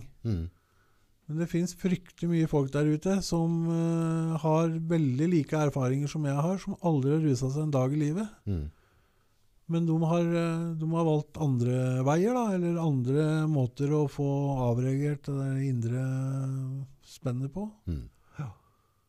Så, og jeg er, så glad, jeg er veldig takknemlig for at jeg havna i et miljø hvor, eh, hvor sjølutvikling er eh, fokus. Mm. Så jeg kan fortsette med det. For det er jo ikke sånn at selv om jeg har blitt rusfri nå Jeg har vært rusfri nå i over 15 15 år. Eh, og det er 13 år siden i hvert fall så at rus, altså rusmidler var et problem i livet mitt. Ja. Ikke sant? Dette er, det er tilbakelagt kapittel. Mm. Eh, ja, innimellom så har jeg, glass på, har jeg lyst på eh, et glass rødvin, eller jeg har lyst på en uh, trippel Baileys med to isbiter. Mm. Som Veldig spesifikk her nå. Veldig, ja, veldig spesifikk. Men, men, det, men det er sånn tanke som kommer innimellom, ikke sant? Uh, men uh, jeg har valgt å ha nulltoleranse, Mm. og det gjør at jeg flytter aldri de der grensene. Så for meg så er det veldig enkelt. Tanken kommer, og så bare forsvinner den. I begynnelsen snakker vi mye om når det er nynykter og sånn, så snakker vi mye om um, Eller tidlig edruskap, eller hva som er greia. Rusug, ikke sant? At Mm. man blir så trigga og får lyst på rus. Og blir, ikke sant? Um, men det forsvinner etter hvert. Så, så hvis jeg har en, en rusdrøm, eller jeg får en tanke om et glass rødvin eller en halvliter, eller noe sånt, så, så er det i dag, og har vært i mange år, bare en sånn tanke som kommer, registrerer den, og så forsvinner den. Og så er det greit, liksom. Ja. Eh, og det funker for meg. Og jeg drikker alkoholfri øl, da. Ja. Og da får jeg kompensert, liksom. Da, Har du noe i hånda? ja, og så, og så er, smaka det jo øl. Ja. Ikke sant? Så det er, jo, det er jo ikke noe stress, og så kan jeg kjøre bil etterpå. Så jeg, brukte, jeg venta seks år før jeg tok det valget, for å være liksom helt Med sikker, alkoholfri øl? ja, for å være helt sikker på at det ikke skulle være en trigger. Ja, At ikke det er starten på et eller annet. Ja, At den skulle sette i gang et eller annet. Uh, For det skal man være litt sånn forsiktig med. Eh, Jeg har jo vært allhund. Jeg har jo sittet på pub i dag ut og dag inn og, og hyla ølere, liksom. Så Ja. jeg er jo glad i det. Ja. Så derfor var jeg bevisst på at eh, jeg skal være helt trygg på at jeg kan drikke alkoholfri øl uten at det setter i gang noe Mm. bevisste eller ubevisste prosesser hos meg som jeg ikke klarer å stoppe. da. Og så er det et personlig valg som jeg har tatt, eh, å være så direkte i forhold til det. Men i, for meg så har det funket veldig, veldig bra. Mm. Det har gjort ting, syns jeg, veldig enkelt. Og gjør at jeg har sluppet mye, tror jeg. Når det gjelder liksom triggere og, og konsekvenser og, og fjas og faenskap. Ja, for det, det handler om å gjøre ting lett for seg sjøl. Ja, ja. Og det Ja. Og livet mitt i dag er jo Det er jo det livet er, da. Det er jo fortsatt utfordrende. Selv om jeg ikke pakker innpå noen kjemikalier eller noen andre greier, så må jeg fortsatt lære meg å stå, stå i livet mitt og takle de utfordringene som kommer underveis. Ja, for de kommer hos deg òg. Ja, ja. Ja, ja, selvfølgelig. For det er det det handler om å leve. Og da, da er det en konsekvens av å leve. Det er at uh, the shit uh, hit the fans, eller at uh, det kommer et eller annet fra sidelinja som vi enten ikke var klar over, eller hadde sluppet ned garden for, eller Ja. Kom, og ikke sant, Kriser for noen varierer, men ikke sant, det her med å Jeg hadde en periode nå hvor jeg um, slutta å jobbe. Um, jeg hadde fast jobb, uh, var litt rotløs. Uh, søkte meg en ny jobb, sa opp den gamle, som var fast. Uh, som gjorde at jeg begynte på en annen klinikk, og så gikk det bare et år, og så ble den lagt ned. Og så plutselig så sto jeg uten noe fast, og så var jeg litt sånn nomade rundt på noen flere institusjoner i det samme firmaet. Og drev og pendla opp til Finnsnes bl.a. på en klinikk oppi der og litt sånn rundt omkring. Um, og jobba litt ekstra i det systemet jeg hadde vært da i mange år. Men den døra for fast jobb, den var plutselig stengt. Neida. Fordi at det er krava om uh, at du skal ha treårig helsefaglig høyskole, bachelor, Mm. har blitt stramma inn noe så brutalt. Ehm, så 30 års erfaring med rus, det holder ikke for å jobbe med rusavhengige. Så idiotisk som det er. Ehm, så det gjorde at eh, plutselig så sto jeg uten fast jobb og, og var litt sånn nomade og jobba litt her og litt der og jobba litt ekstra og sånn. Og det, det gjør noe med identiteten din òg, ikke sant? Det Hvor er viktig er det for deg å ha en fast jobb? Nei, altså, jeg har jo blitt eh, produktivt, aktivt medlem av samfunnet som har fått meg gjeld. Jeg har jo, jeg har jo, fått jeg har jo kjøpt en leilighet til to millioner, så jeg har jo to millioner gjeld. Ja. Eh, og da er det ganske prekært å ha en uh, fast inntekt uh, i forhold til å dekke løpende utgifter og sånne ting. Og, og det har noe med denne tryggheten. Ikke sant? Og det å forholde seg til Nav. Jeg har en kompis som sier at han går heller ut enn å bli kriminell enn å havne på Nav en tur til. Ja. Ja. For det, i mange tilfeller så blir du faktisk sjukere av å forholde deg til Nav. Eh, Det er krise. ja, det er krise. personlig så har jeg vel egentlig fått det jeg har hatt eh, krav på hele veien, og det har vært uh, relativt uh, knirkefritt. Ja, det er jo å male det litt pent, tror jeg. Men mange andre har vært mye mer uheldige enn meg. da. Mm. Når det, for det å forholde seg til en statlig organ som er helt basert på personlighet altså sånn, det er sånn I noen tilfeller så er det helt avhengig av hvem du får som, eh, som behandler altså, Det betyr mye. ja, ja. ja. Nei, dette er også en helt annen pod. Ja, ja.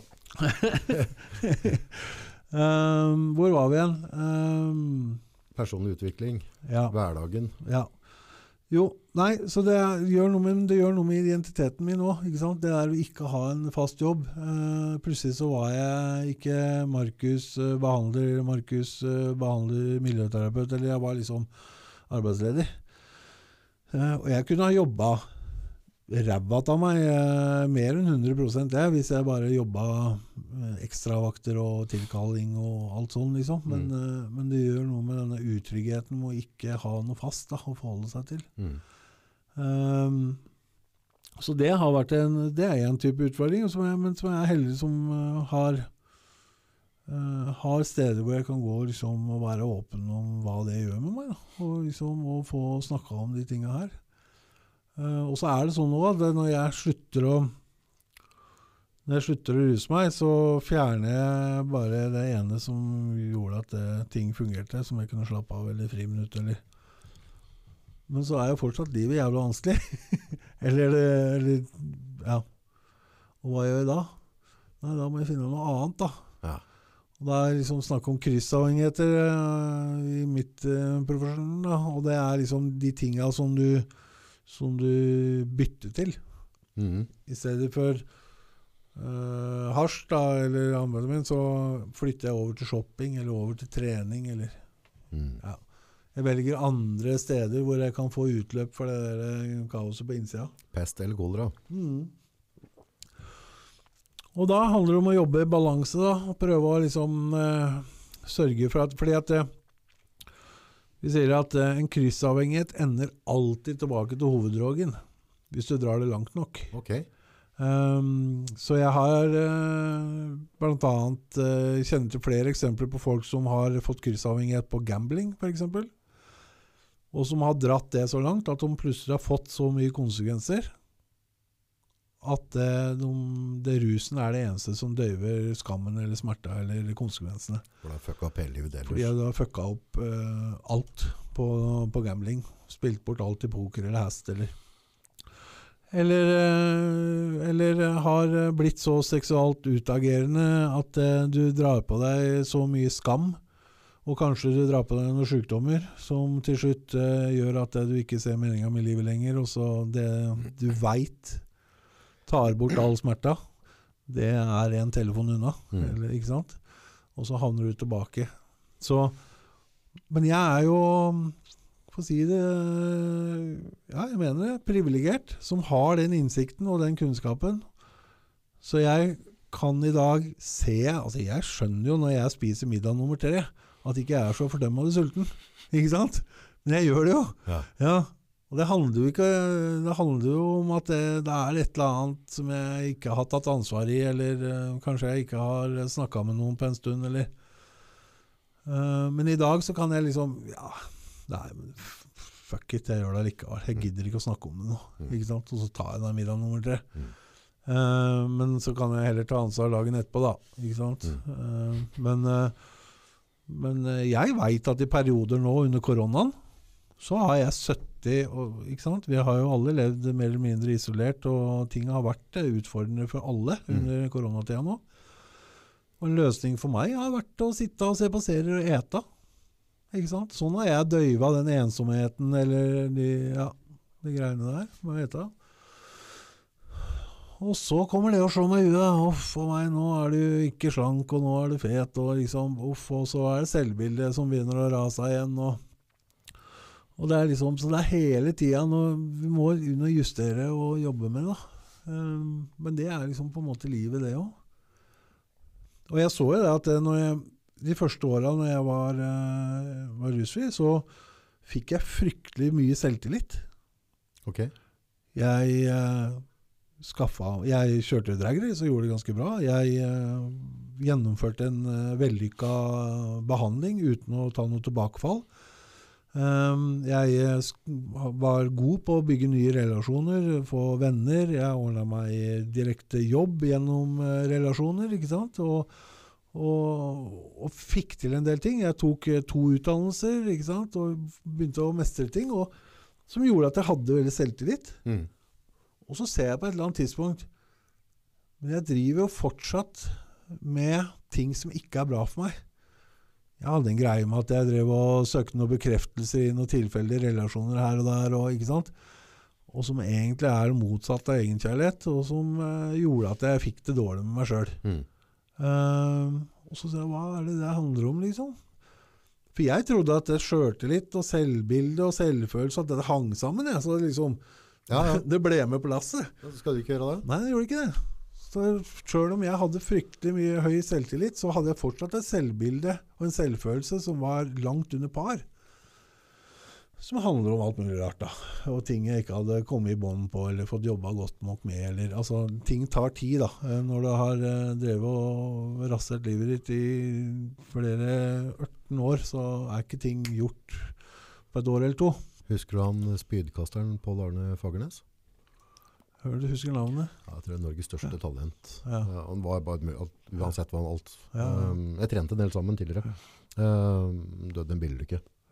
Men psykologen hans Ja. sa at jeg aldri har vært borti en type med så høy sjøltillit og så dårlig sjølbilde som deg før. Nei. Han var helt ekstrem på det. Han hadde liksom gode karakterer, samme om han kasta spyd. Altså, uansett hva han gjorde, så var det bare helt fantastisk. Men uh, brukte ja, Rusa seg. Alkohol, faenskap, helvete. Kjørte, kjørte på. Full gass. Klarte ikke å oppføre seg. Ikke sjans. Nei, og jeg, eh, jeg var jo litt der sjøl, jeg. Ja. Men uh, heldigvis så var jo ikke rusmidla en del av det. Men jeg hadde andre veier som jeg utagerte på. Og det var liksom på gå bananas på Tinder, eller eh, gå bananas med kredittkort, eller ikke sant. Andre ting. Um, og så ser jeg liksom på et eller annet tidspunkt at det her er jo ikke noe egenkjærlighet. Det, det er liksom uh, Nei. Så um, Men da måtte jeg begynne å ta ansvar i det, da. Um, og Én ting er å slutte med det du driver med, men må, det ligger jo der en grunn bak òg? Så vi må jo ta tak i det òg. Det er jo mange som påstår det på at øh, måten verden har blitt nå, da. mm, Det høres så jævlig gammeldags ut å si dette, men, sånn. men poenget er på en måte den direkte eh, bekreftelsen vi får gjennom sosiale Mm. medier, Mm. posting, Instagram, likes, tomler, handler, gjør egentlig for at vi på en måte vil fylle på selvtilliten på et eller annet vis, men det kommer ikke eh, selv, eh, følelsen blir ikke noe bedre allikevel, men det gjør at vi blir litt blinde, at vi, at vi på en måte, vi ser bare vi ser bare effekten av den posten eller ditt eller datt, og så, og så glemmer vi egentlig det som er bakom da, og, og så får du på en måte noen endorfiner mm, av at når du lykkes, og dette bildet var blankt, her var det fint, det var fint julemiddag, hele, altså, hele den greia der, mm. og det tar egentlig fokuset vekk fra hva som egentlig er Altså, du nevner Tinder, du, altså de tingene, altså, er det normalt at vi misbruker dette der? Vi blir bekreftelseshorer, da, hele gjengen. På godt norsk? Ja, ja. Ja, vi har så dårlig sjølbilde at vi trenger bekreftelse hele tida for å klare å gå gjennom hverdagen. Mm. Så istedenfor å jobbe på sjølbildet og få opp det så vi har mindre behov for bekreftelse hele tida, så kommer en vanvittig ubalanse. Ja, og Så går du kanskje da på Instagram da, for å poste x antall eh, bilder med luten filter da, for å få noen bekreftelser og få noen likes. Men det er samme plattformen som raserer selvfølelsen din i andre sida, fordi at der er alle du følger perfekte, eller er supertrent, eller er uh, rike, eller ikke sant, lever livets glade dager. Mm. Og så sitter du sjøl og liksom uh, har ikke råd til å reise til Monaco på ferie. Du har liksom noen kilo for mye, eller ikke sant. Så liksom samme plattformen som du prøver å jazze selvfølelsen din med å liksom få bekreftelser, det er samme plattformen som òg raserer selvfølelsen din. da. Um, Vi glemmer det at når Robbie Williams får én million Mm. hjerter på Instagram på en Mm. post han legger ut Når han legger seg på kvelden for å sove, så er han bare Robbie Williams. ja, ja. Altså Han føler seg ikke noe bedre. Altså, den millionen hjerter hjelper jo ikke å rydde opp i hans følelsesliv. Nei. Og dette har blitt en eh, Dette har blitt en fryktelig eh, skeiv utvikling, og veldig, det er utfordrende veldig. Og, og igjen, det er dette der ungdommene våre lever i, eh, i hver dag. Eh, og der ligger det noen eh, krav og noen forventninger, tror jeg, som Ja, det er helt banalt. Ikke banale, definitivt ikke, men som er helt bananas. Bananas. Bananas. Mm. Men det jeg har valgt å gjøre, da, det er jo å være Jeg valgte å være åpen om ting. Mm. Og, og velge. ikke sant? Jeg har jo dratt på meg noe PTSD og litt sånn diverse snadder. Jeg trodde at jeg hadde ADHD, men det fikk jeg utreda. Altså, det hadde jeg ikke, da. Så merkelig nok. Dårlig. Ja, dårlig. Men uh, er, vi snakka vel litt om det sist. Hva er traumer, og hva er ADHD? Um, og I mitt tilfelle så handla det nok mer om traumer enn uh, enn disse bokstava. Mm. Um, og det er greit. Uh, men jeg har uh, valgt å være ærlig om det. Um, og jeg uh, prøver jo å, å gjøre noe med det òg. Um, og jeg erfaringsmessig jeg har dratt på meg litt sånn småangst. Ok. Um, blant annet Jeg driver og dykker, det er jeg veldig glad i. Det er en eh, hobby jeg har fått. Ja. Jeg syns det er fryktelig moro. Uh, men så kan jeg begynne å tenke sånn eh, 20 meter, ja. Skal vi se, Hvis du står nede i Ankerskogen og ser ned på timeteren, Ja. opp på timeteren, mener jeg, Ja. det er fryktelig høyt, og så 10 meter til. Ja. Så hvis jeg er nede på 20 meter, og det skjer et eller annet da, da er det fryktelig langt opp. Mhm. Og dette er veldig idiotiske tanker å ha når du driver og dykker. Ja, Ja. For da skal du drive og rote ned på 15, 20, 25, 30, ikke sant? Ja, ja. Eh, Jeg har ikke da- tenkt over det sånn før. Kan Jeg har dykka. Ja, ja. Faen, fuck deg, ja. ja. Ikke sant? Neste gang så Men jeg har en løsning på det, okay. så du skal Bra. få, den om det kommer. Fikse opp Men- Ja, men, eh, men dette er Jeg har jo gjort at det har begrensa meg litt, og, og hindra meg på å drive med det jeg egentlig har lyst på. Mhm. Fordi at, eh, og mye fordi at eh, jeg syns det er flaut å dykke med folk som eh, er supergode og raser ned på 70-100 meter uten å blunke. Mm. Og så vil jeg helst vake ned på 15 meter en stund, så jeg blir trygg. Mm. Men, men så handler det òg Det jeg har lært, da, er jo når det gjelder angst, den type angst jeg har, da. Det Mm. finnes mange forskjellige typer angst, men den angsten jeg har, er litt sånn Kall den lett angst, jeg. Koseangst. Kose, koseangst. Så, så mener jeg at eh, da Hvis du er redd for å kjøre buss, da Ja. Det du trenger å gjøre da, det er å sette deg på denne bussen og så kjøre bussen. Ja. Mellom Hamar og Løten. Mellom Hamar og Løten, mellom Hamar og Løten. Liksom til du skjønner at det at det, det er ikke farlig. Det, bussen eksploderer ikke, eller uh, sjåføren kommer ikke til å kjøre av veien med vilje. Eller, altså, det kommer ingen inn på bussen der og tar livet av deg. For angsten er jo, er jo ofte veldig urasjonell, eller ikke Det er bare tull. Tullball, egentlig, mye. Men vi får oss Vi har mye tanker og greier. Og når jeg først dykker Jeg to, var nede og dykka nå i oktober-november. Og, og når jeg først liksom får landa i det, og sånn, så storkoser jeg meg. ikke sant? Mm. Og da er det, for meg er det meditativt å ligge nede der og bare konsentrere meg om å puste rolig og liksom bruke minst mulig luft og ha buoyancy som gjør at jeg liksom flyter minst mulig motstand og holder samme dybden hele veien. Og det er det, det jeg liker med dette her. Det er, for meg så blir det meditativt. Se hvor mange minutter du får ut av flaska di. Ikke sant? Og når jeg da ligger der, og der var jeg så heldig, for det var et sånn uh, nattekurs, da, så det var flere der som ikke var så erfarne. Og da måtte jeg ha litt fokus på dem. Ja, da. Liksom, er det, er det, skjer det noe der? Er det noen av dem som trenger hjelp? Eller, det var egentlig ikke rolla mi, men da fikk jeg tankene på noe annet. Mm. Og så hadde jeg fått justert mine egne greier og sånn, for jeg begynte jo med å gå rett til banns. for jeg hadde for mye bly. Jeg dykker for sjelden igjen, ikke sant? og det skaper noen konsekvenser. Men, eh, men så etter hvert så lander jeg alt mine egne greier, og så ligger jeg bare der og følger med hverandre og følger med, og storkoser meg. Eh, for da klarer jeg å flytte fokuset bort ifra oppi pappen her, Mhm. som driver og bare skal ødelegge med masse fjas. Eh, og så blir det, eh, hadde jeg to kjempefine dykk, da. Så, så jeg prøver å liksom kontre det, og så har jeg den derre Jeg driver med å låse soveromsdøra for å være trygg.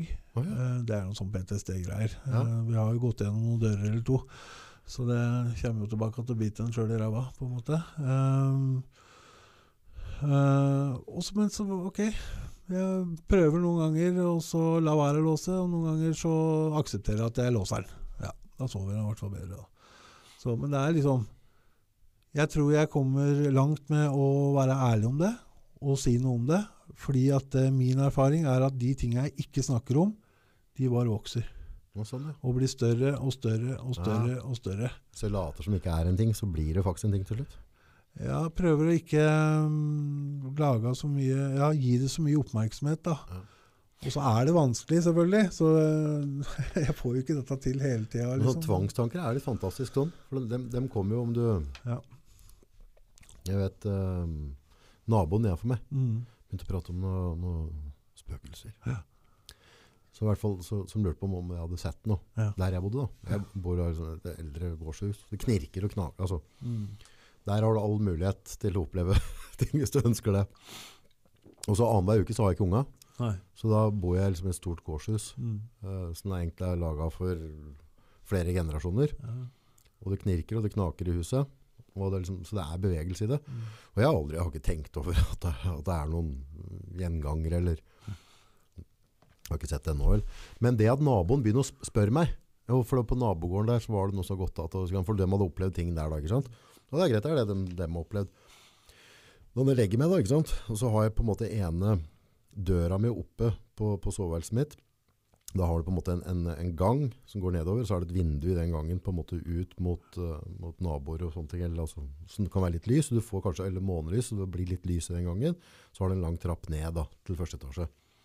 Så der kan du på en måte se skygger og ting som beveger seg. Hvis du leter, så vil du finne et eller annet der. Ganske, Sammen med litt knirking, så fikser vi dette ganske fint, ikke sant?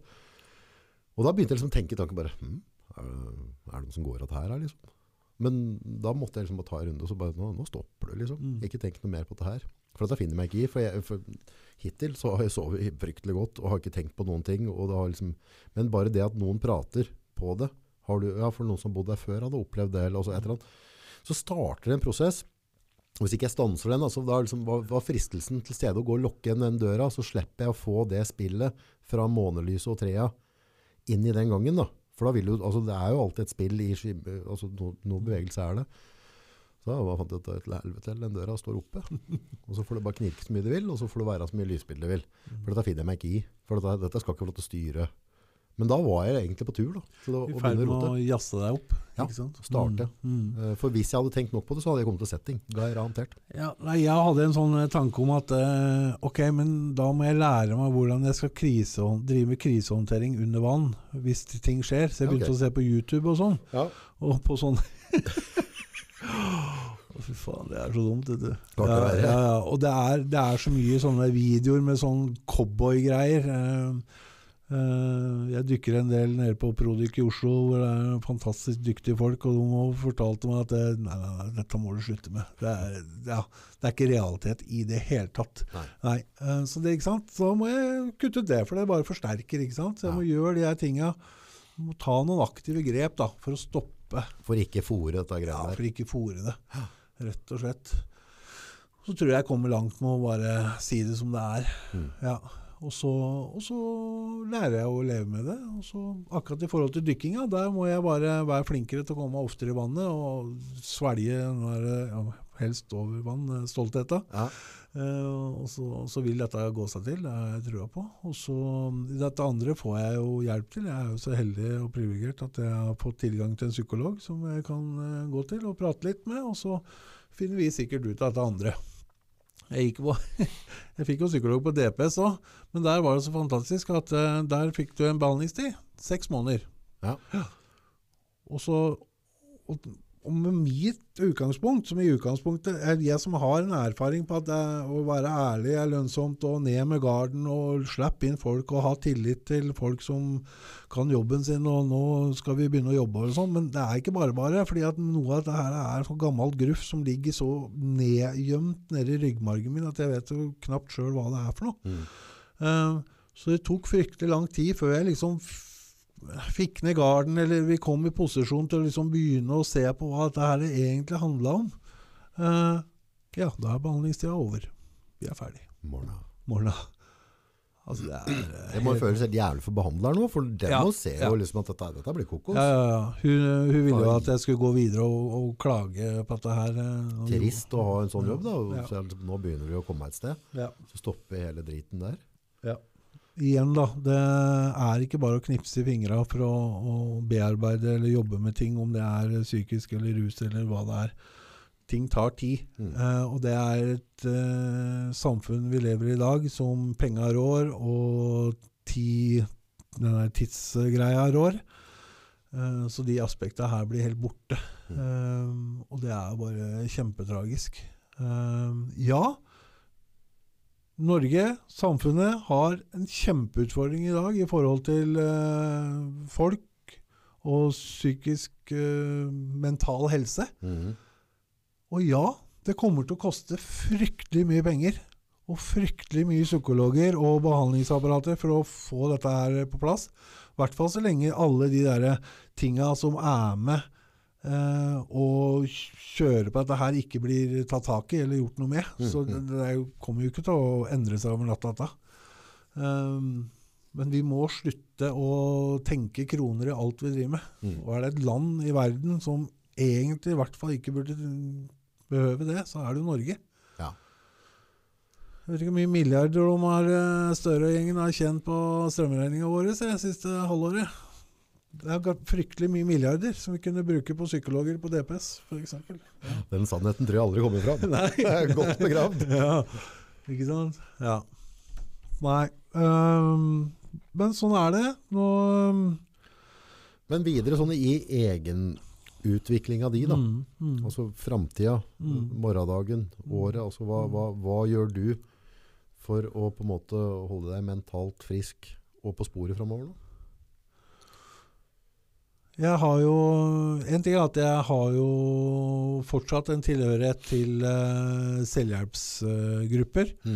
Eh, så jeg bruker jo det. Mm. Uh, og har fryktelig mye venner som lever i det vi kaller tilfriskning, altså som har recovery som en tankebase. Jeg, jeg har nettverk og venner og sånn som har lært seg at ærlighet eh, lønner seg, og at eh, ved åpenhet og villighet så kan vi sammen eh, dra lasset litt. Mm. Um, og så driver jeg og får meg en ny utdannelse. Mm. Uh, har blitt, skal begynne på, ja, har begynt på høyskole. Klysa. Ja. Det noe det er ferdig der, kan det ikke prate mer med deg, vet Det du. er faktisk så klysete at jeg lå en kveld her og så tenkte jeg, er, er det noen andre i familien som har bachelor? Hadde ikke det vært fryktelig moro med han der svarte, svarte Hva heter det? Når det er slik, Fåret? Svarte fåret kom og tok bacheloren. Ja. Andungen. Men det var visst det var visst flere som hadde det. da. Men, eh, men jeg er fryktelig stolt over det valget. Og, Ja. og den jobben jeg har gjort. Det nå har jeg bare gjort unna en sjettedel første semester. Oh, oh. men eh, så langt så ser det Er det gøy? Ja, det er veldig gøy. Ja. Det er veldig lærerikt. Er du en dumming, eller lærer du lett? Jeg har blitt nerd. Nerd. ja. Det er ikke nok på at det er klysete, du er nerd òg. ja, men det er liksom sånn Ok, jeg kan gjøre det her på deltid. Ja. Jobbe ved siden av.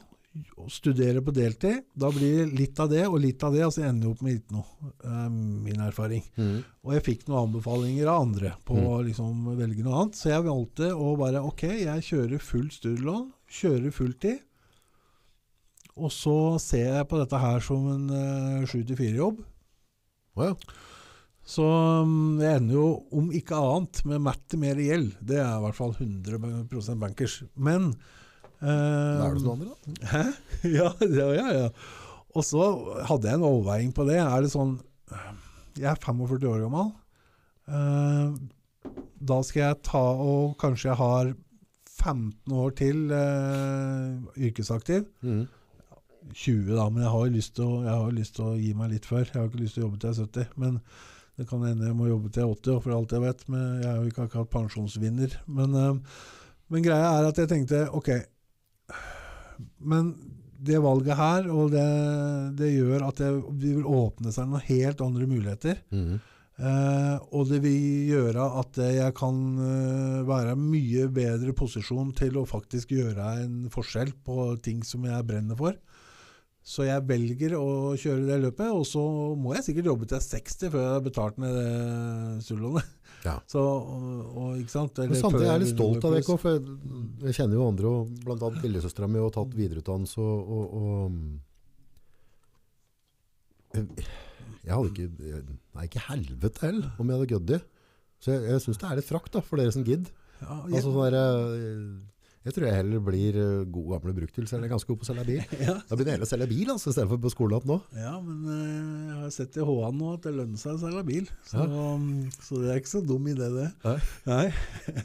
Så kan det hende at jeg havner på det hvis ting går til helvete. Nei da, men ting går veldig bra. Um, Nei, jeg, men jeg er stolt av dere. Jeg syns det er eh, tøft at dere eh, faktisk bretter opp armene og gjør det. Så det handler om å legge inn eh, innsatsen. Mm. Så det handler om å, som jeg velger å gjøre, da, å se på det som en fulltidsjobb. Så jeg prøver å komme opp om morgenen og legge inn innsatsen. Det sies at du skal legge inn minimum 40 timer i uka Ja. for å liksom lande en, en bachelor på, i det faget jeg, sykepleieren som jeg driver med.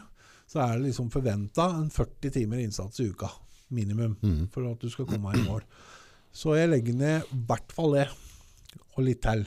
Eh, og så har jeg fått eh, teama opp med noen fantastiske damer som har samme mål som meg. Og som eh, Vi har liksom nerda litt, vi, Ja. Så det er gøy. Men det, ja, det er gøy. Og så er det masse mestring òg. Ja. Og så er det identitet. Nå fra å ikke ha noe identitet mer, gåseøyne, til å ikke ha noe jobb og til liksom ikke vite hva jeg skal gjøre, så er jeg plutselig Ok, jeg er fulltidsstudent, jeg er sykepleierstudent. Nå, Det er en identitet, det. Mm. Uh, Det er veldig greie rammer å forholde seg til. Mm. Så er det noe med å få en tittel, da. Etter hvert, ja. Ja. ja. Det var en som uh, spurte meg ja, og gjorde noe, filmet noe og gjorde noe intervju. Så, ja, hva hva var det tittelen din der, liksom? Nei, ja, det har jeg jo egentlig ikke tenkt over noe særlig. Jeg har ikke noe tittel. Ja, dårlige greier. Men noen jobber så kunne jeg nok gått tilbake med den tittelen og gjort akkurat samme jobben, bare fått litt mer betalt. Mm. Og litt flere hadde hørt på hva jeg hadde å si fordi at jeg hadde den tittelen. Mm. Eh, men eh, all det meste av den kunnskapen jeg hadde brukt, hadde jeg, brukt, eh, hadde jeg før jeg tok mm. den utdannelsen. Hva skal du bruke utdannelsen til? Jeg har um, Det som var motivet mitt når jeg valgte det studiet, var at jeg ønsker å komme i posisjon til å kunne hjelpe ungdom å validere følelsene sine. Validere følelsene. Ja, eh, lære seg å håndtere følelsene sine. Takk. Eh, Du har gått for mye på skole. Ja, ja. Nå får jeg ned på bakken. ja, ikke sant. Nei, men vi har jo snakka om det både nå lenge nå. Liksom, vi- det der der utfordringa ligger. Ja. Um, Det er framtida. de har framtida, og dem trenger vi hjelpe. Mm. Uh, og vi trenger å lære dem at eh, livet handler ikke om uh, likes. Livet handler ikke om uh, klesmerker du går med, åssen kropp du har. Uh, og vi må lære dem å takle presset som de har, og lære dem å snakke om følelser og begynne å bearbeide ting. Og, og forberede dem på livet. Mm. Eh, og det er en naturlig ting. En tenåring som eh, har en kompis, tenker at det her er bestekompisen min. Vi kommer til å være bestekompiser resten av livet. Oh yeah. Ikke sant? Det ikke sånn, gitt.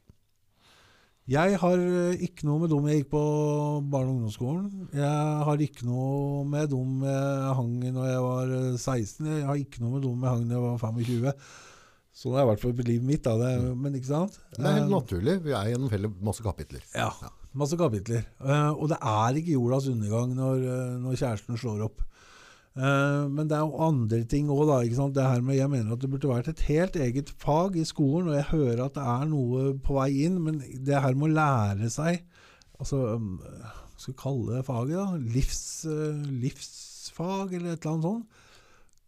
Helt ned til sånne Livet. Livet. Livet. Ja. Ja. Livet. To timer med livet. Men helt ned på elementære ting som eh, hvordan fungerer et forbrukslån? Hvor dyrt er det egentlig? Hvor dyrt er det egentlig? Ja. Um, Påvirker det deg mentalt? ja. Hvordan er det det egentlig selvfølelse og sex kan henge sammen? Mm. Hvor, kan, hvor kan det skape ubalanse? Ja. Hvordan er det med eh, de tankene, den selvfølelsen som du går og bærer på, som du ikke klarer å være ærlig på, eller klarer å få snakka med noen om? Hvordan er det det kan eh, skape ubalanse i livet ditt? Altså Begynne også å snakke om, forberede dem på liksom, å lære dem altså, Jeg tror det er fryktelig mye viktigere enn å kunne å regne i potens. Mm. Altså Hvis du på et eller annet tidspunkt skal bli ingeniør eller et eller annet, så trenger du å regne i potens, men da kan du lære det da. Mm. Du kunne ha brukt de to timene på ungdomsskolen Takk. til å lære at det å miste en kjæreste når du er 16, det er fryktelig ubetydelig i det store løp. Mm. Um, Men eller- det er jo eller- selv jævlig ja. da. Ja, ja, selvfølgelig. Og det, og det er jo noe med det å gjøre òg. Altså, si at jeg forstår at det, det du opplever nå, er akkurat sånn du har det, og det er kjempevondt. Og, men ting vil bli bedre. ikke sant? Og ting vil gå seg Det er Ja. Og jeg hadde òg en tanke om at hvis jeg har tre elever, da eh, Så helsesykepleier var en tanke jeg hadde. Ok? Um, og da kunne jeg se at ok, her har jeg tre ungdommer som har spiseforstyrrelser. Eller jeg har eh, tre niendeklassinger som driver og sliter litt med rus. Eller jeg har fire åttendeklassinger, eller to i sjuende og to i åttende, som eh, har eh, utfordringer på hjemmebane i forhold til foreldre som ruser seg. Eller, ikke sant? Ok, da kan vi kjøre gruppe. Mm. Og så kan de eh, lære seg og kan de begynne å sitte i gruppe og snakke om det her. Og på, ikke sant? Spart fryktelig mye psyk psykologtimer etter hvert, altså, hvis man har begynt å ta sånn, litt tidlig tak i de tinga her. Ja. Um, og heldigvis da, så er det jo ikke sånn at jeg er eh, Jeg er ikke Musk, så jeg, ikke, jeg finner ikke opp eh, ting kruttet på nytt. Så det er jo andre folk som har tenkt de tankene her. Ja. Eh, og det gleder jo hjertet mitt stort. Så det er allerede ved flere skoler uh, sy helsesykepleiere, altså helsesøstre het det før. Det, det er jo litt nytt, altså, når, når det ser sånn to meter med skjeggete Markus, Mm. helsesykepleier. ja. Helsesøster. Det er brutalt. Ja, Det er brutalt. Bikker over til nasty, for å være helt ærlig. ja. Men det er liksom Det er nytenkende. Ja, det er jo det. men, men det, er, det trengs menn. Det Ja. trengs menn på Ja. det feltet òg. Så klart. definitivt. Det er bruk for oss òg, skjønner du. Ja, ja, ja. Så Selv om det ikke skal være ved det. Ja. Så nå jeg skal um, ha en uh, observasjonspraksis uh, og få testa det ut, så får vi se. Oi. Så blir det spennende. Men så har jeg mye andre planer òg, lenger fram. Jeg, fordi at det åpner seg mye muligheter som sykepleier i forhold til å jobbe i utlandet og sånn. Mhm. Um, og jeg har hatt en kollega tidligere som har jobba i sjømannskirka i, i Bangkok bl.a. Uh, og det frister veldig. Sjømannskirka er en bra ting.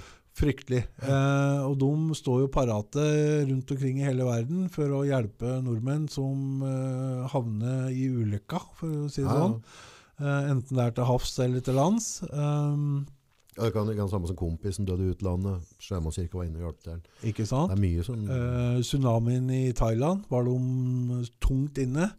Uh, folk som havner på blodfylla og ikke kommer seg hjem igjen. Uh, folk som mister pass, folk som ikke har forsikring etc., etc., etc. Får fryktelig god støtte i sjømannskirka rundt omkring. Um, og de reiser rundt og besøker folk som sitter i fengsel, ligger på sykehus, følger opp. ja. Og, um, og jeg brenner jo for den eh, gjengen der, ja, så det hadde vært uh, veldig moro å jobbe. Og så kan jeg kombinere det med litt dykking. Ja, det er bra. det er noe av verdens råeste dykking er jo i Thailand. Så Ja. da, Da må du over på Phuket-sida, tror jeg. ja, jeg har jo, ikke sant, så det, er jo, Indiahavet. det er jo en baktanke der. Mm. Uh, men jeg er veldig glad i Thailand, både folk og maten og kulturen og alt. Så det, ja, så det er én ting. Og så har jeg snakka med mm, Jeg han har bodd et år nede der. Du har bodd et år nede der, Ja, ja. Jobba Ja. nede der, ja. ikke sant? Var lei i Norge, stakk ned. Det var fett. Ja, det er fantastisk. Det er veldig, det er mitt eh, favorittreisemål Mm. for tiden. Ikke som student, da. så, men det er sånn. Eh, Og så har jeg mm, et litt sånn eh, annet mål. Det er at det var han eh, Erlend som eh, en trønder som eh, driver Streetlight på Filippinene. Gatelys. Det er altså et eh, barnehjem eh, for gatebarn på, rundt Filippinene, Manila. Um, som de begynte, tror jeg, med en håndfull med gatebarn som de hjalp. Og så har de blitt eh, veldig store. Jeg tror man har drevet på en, over 20 år nede der. Oi. Så de har blitt uh, veldig store, så nå hjelper de hele familier. Og, og det er i, de har hatt noen prosjekter nå hvor de eh, eh, gror eh, og dyrker noen produkter som de selger, og sørger for at familiene blir sjølgående økonomisk. Er han i Norge innimellom, eller? ja, han er i Norge innimellom, Få han til å hooke opp hvis han passerer når han skal til Gardermoen. ikke sant? Det hadde vært en Ja. interessant pod. Så jeg spør jo han, for han hadde sånn eh, Jeg tror det var en sånn livestream på Facebook eller noe sånt. eh, i forhold til, For de driver jo innsamlingsbasert uh, nedpå der. Eh, de er veldig basert på alle ting de får eh, i støtte og, og donasjoner og sånn av folk. Mm. Um, og så har de helt sikkert eh, noe grunnstøtte her og der. Og, ja.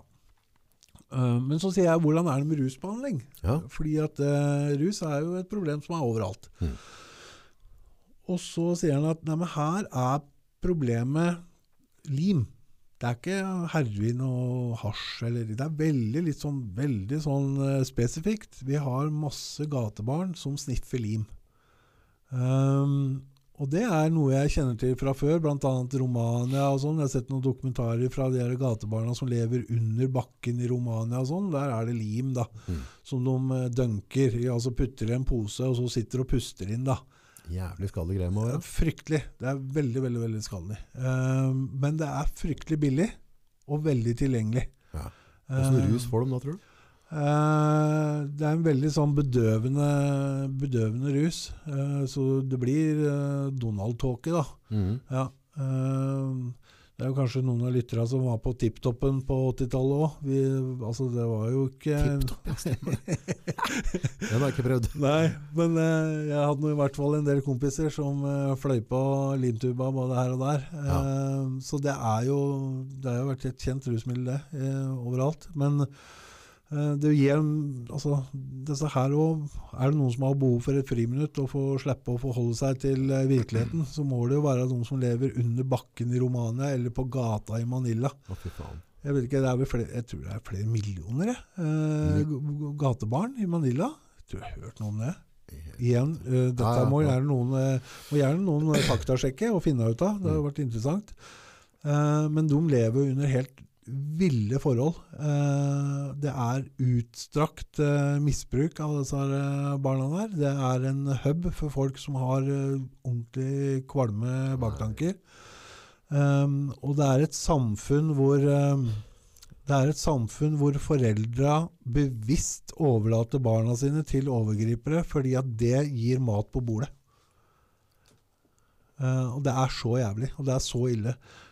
At der har jeg lyst Kunne jeg fått lov til å gått inn og, og gjert en håndfull, så hadde det gitt mening. Virkelig. Ja visst faen gir det mening, men jeg vet da faen om jeg takler å være der. For jeg vet ikke om jeg gjerne har gødd å se all den fordervelsen. For dette, dette er bare det styggeste mennesker er i stand å få til. Ja, jeg er helt enig. Uh, og har jeg det som skal til for at uh, vi kommer i mål med noe? Ja, jeg tror det. Eh, Får du hjulpet ett menneske, så, sant? så Ja. er du en vinner. Ja. Så, så jeg spør da, driver dere rusbehandling? Nei, det gjør de ikke, men de hadde et par uh, som jobba der, som i en 15-årsperiode hadde vært litt sånn uh, spesifikt dedikert på det området og prøvd å hjelpe disse barna her. Uh, for det er jo barn, ikke sant? De Ja, ja, er jo, ja. de er Ja, jo kvalm nede i 6, 7, 8, 9, 10, ikke sant? og driver og ruser seg. Men så sier han, er det sånn at du spør om, eh, om det er at vi, om du kan komme ned hit og hjelpe oss med å etablere en eller annen form for eh, rusbehandling eller noe ramme på det her, Mm. eh, så er spørsmålet ja. Nei, så, så er svaret ja. Ja. Det vil den veldig gjerne. Så, så det er et prosjekt som jeg har fryktelig lyst på å få gjennomført. Mm. Um, det blir jo litt fram i tid, ikke sant? Er når jeg er ferdig utdanna og sånn. Eh, og så er jeg nødt til å få lagd dette til et annet uh, prosjekt hvor jeg kan gå inn og få noe støtte og noen midler og noe spons og sånn. Mm. Um, sånn at dette blir økonomisk mulig for meg å gjennomføre. Eh, der nede så trenger jeg jo ikke så mye. Det er ikke, at jeg skal ikke ha noe uh, månedslønn, uh, inntekt på dette her, men det handler om å få dekt faktiske kostnader i, i det prosjektet. Men Kan vi ikke bare gå sammen, da, og så gjør vi noe greier rundt dette når, når den dagen har kommet? Det hadde vært fryktelig morsomt. Vi, for det er garantert flere som kunne tenkt seg å vært med og vært en del av dette der. Mm. Og jeg er en av dem, så da finner vi en løsning da. Ja, det har vært ordentlig moro. Mm. Så det, og det, og jeg tror at det er viktig å ha noen sånne, noen sånne drømmer, noen tanker, noen mål, noe som henger litt, og, ikke sant? og jobbe litt mot. Da. Mm. Uh, og så blir det spennende å se. Nå skal jeg ha eh, på skole i to og et halvt år til. Mm. Og så skal jeg jo i praksis på sykehus, og så kan det godt hende at jeg treffer på noe der som er superinteressant. ikke sant? Og så får vi se. Men, men akkurat det der eh, Den der eh, brennende hjertet for disse som sliter, eh, vil jo ikke forsvinne. Så mm, dette har jeg lyst til å få gjennomført. Mm. Jeg, tror, jeg, jeg, tror, jeg tror det er alle. Alle har um, alle, Jeg tror alle har en tanke i seg at de kunne tenkt seg og gjort en forskjell for de aller, aller svakeste. Uh, men problemet er ofte at det blir med en tanke, og så gjør vi ikke noe med det. på en måte. Jeg, tenker som at jeg har lyst til være med på et eller annet. På, det handler om at vi må få satt i systemet, så må få det til å skje. For dette, dette er liksom Det er en menneskelig søppelfylling. Ja. Ja. Ja, definitivt. Rett og, altså, det, er, det, er, altså, det, er så, det er så stygt, så det tåler ikke dagens lys. Og så driver vi og fokuserer på, på katter som må reddes i Norge. Og så sitter det unger på 5, 6, 7 og misbruk, sniffel altså, Ja, Ikke byen engang. Nei, også, og Filippinene i seg sjøl er jo et kapittel for seg sjøl. Vi har jo hatt en eh, president nå som har satt skuddpremie på rusavhengige. Det er der, ja. Eh, ja, ja, ja. Ja. Og, eh, og han eh, ble sammenligna tror jeg var det med Hitler et eller annet, og da mente han at han ble stolt. Ikke sant? Han er jo, Ja, det var, ja. det var Ja. ja. Så, mm, så han hadde en agenda hvor han eh, ville ta livet av alle aktive rusavhengige. Ehm, så der sto rusavhengige og klora på fengselsdørene og ba om å bli arrestert. Uh, fordi at de risikerte å bli tatt livet av. Um, og de ble plassert Men det var sånn du kunne få valget. Enten så legger du deg inn i behandling, eller så havner du på ei liste, og da er det ikke sikkert du lever i morgen. Og da dro de på en eller annen sånn eh, yoga retreat hvor det var 3000 som var trøkt innpå der for å liksom skulle bli Ja, det er helt sjukehus.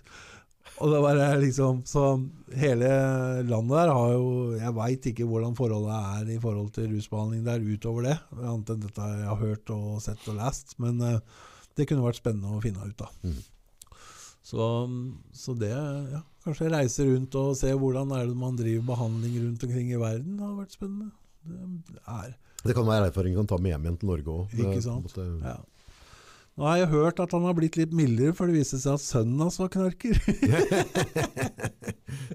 Det er fælt å glise av det. ja, Men men det, altså, Ja. det, er, ja, men det er jo galskap. Ja, det er det. galskap satt i Eh, system. Men skal jeg si én ting? Hadde det ikke, hadde ikke vært for selvironi og humor, så hadde jeg vært døv for lenge siden. Mm. Eh, det er virkelig en ting som har eh, vært med meg og gjort ting levelig innimellom. Så er det evnen til å le av meg sjøl. Eller som har litt sånn Det blir litt sånn uh, mørk humor uh, underveis òg, ikke sant? Sånn, men Det er greit, det er det ikke? Men det har vært mye greier, da. Og sånn var det mens jeg var i behandling òg. Jeg hadde jo Jeg tror jeg mista sju stykker som døde i løpet av de to åra som jeg var i behandling der. Så var det sju stykker som døde. Det er mange. To av dem døde i løpet av et døgn. Overdoser, da. ikke sant? Eh, rett etter behandling, eller mens de var på perm, eller hadde skrevet seg ut. eller Um, og jeg slutta å telle på nummer 56 eller noe sånt, som forsvant ut døra der. Som ikke klarte å stå i behandling og valgte å gå ut igjen og bruke. Ja. Um, så jeg lærte jo etter hvert uh, tidlig å stick to the winners. Uh, jeg søkte mot de som eh, hadde samme mål og samme motiv som meg, Mm. og som var der for de hadde et oppriktig ønske om å endre på ting og få det til. Eh, så, og det var et uttrykk jeg lærte tidlig òg. Stick to the winners. Eh, og det er jeg glad for, for det fungerte. Gjelder livet òg, det. Det gjelder livet òg. Um, og, og, og vi kunne jo òg sitte og se på folk Vi kunne sitte i denne storgruppa der og kjøre på og gjøre alt vi kunne i vår makt. Eh, både med kjærlighet eller manipulasjon eller hva det var, for å prøve å få dem til å snu. For vi så jo galskapen de var i ferd med å, og det valget de var i ferd med å ta. Og vi gjorde alt vi kunne for å få dem til å snu, til å velge noe annet, til å velge å bli, til å velge livet. Mm. Og det var det det handla om. Veldig mange av de jeg var i behandling sammen med, var godt voksne junkies, liksom. Mm. Og da var det liv eller død. That's it. Ja. Og når du har vært rusfri en periode, og kanskje over en lengre periode, går ut igjen og, og, og ryker på heroin f.eks., så er overdosefaren skyhøy. Fordi at du har en helt annen toleransenivå enn det du hadde tidligere. Du kunne kanskje junke fem gram heroin eh, om dagen før du de hardeste, ikke sant? før du dro inn i behandling. Ja. Og så tar du overdose på et halvgram når du sprekker etter et år. ikke sant? Ja. Så det er kjempefarlig. Uh, og i den der, alt det der greiene her, så, så må man òg beskytte seg sjøl. Mm. Og der kom humoren inn, og, og vi kunne stå og drive med sånn galgenhumor og, og sånn. Men, Men eh, til syvende og sist så handler det bare om sånn overlevelsesgreie, altså beskyttelsesgreie. Fordi at det, eh, den galskapen og den smerten og, og det sjuke greiene vi var vitne til, det, det er ikke meninga at det skal være sånn. Eh, Men det er noen helt åndssvake krefter som er i spill, som eh, er sterkere enn noe annet mange ganger. Ja. Ha så- evnen av å le. Det er viktig. ja, evne å le. Nå kan jeg jo le av de gode tinga, så det er fint, det. Ja, det er fint.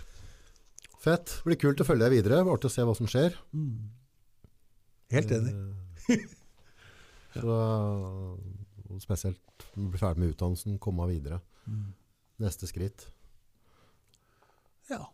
Og så er det jo, det er jo tre år til dit, da, så vi må jo prøve å få utretta noe i mellomtida òg. Så er det et eller annet som er fett med deg på dette opplegget der, at uh, i forhold til det med, med rus og den bataen der, så um, det er liksom ikke, det er ikke en celle i kroppen min som ikke tror på det. At uh, dette, dette har du fiksa, liksom. Og, og det er noe med det, liksom. Altså, jeg merker at du er så jævlig ferdig med den rusbiten. Så på en måte det er, for ellers skal det mange ganger kan høre folk som skal slutte, og så, så føler jeg, ok, ja, det blir kult å se, men så jeg sier, det blir kult å se, det blir kult å følge det. Så handler det ikke om den rusbiten. Det handler om utviklinga Mm. av Markus videre, hva du jobber med. Og det er jævla kult å se på. Og jeg òg føler meg like trygg som deg. Ja. Jeg gjør det. Samtidig så er jeg fryktelig ydmyk i det at jeg er ikke noe lenger unna Uh, den neste justeringa enn han som står nede i Brugata. Det er ikke så fryktelig mange valga. Nei. Eh, så den der balansen vi har snakka om, Mm. den er så viktig. Og, og at jeg har det der fokuset, og at jeg fortsetter å stå på de og grensene jeg allerede har satt meg, og ikke begynner å flytte dem. Jeg skal aldri du, altså, du skal aldri se meg sitte på Irishman og ta en øl. Da er det bare å klappe meg rett ned. Oh yeah. Så liksom, og det er noe med det liksom Og jeg tenker at så lenge jeg holder de grensene, fortsetter å gjøre akkurat det jeg har gjort de siste 15 åra, Ja. så har jeg klokketro på dette her sjøl. Ja, Og da kan jeg få muligheten til å gi det videre. Og det velger jeg å gjøre både i jobb og i foredrag og pod og alt. Mm. Sånn avslutningsvis, det er å få tak i deg Vi via sosiale medier, så klart. Ja, ja. Men, uh, men uh, du, du, tar, du har et enkeltmannsforetak. Mm. Om det er coaching på også foredrag.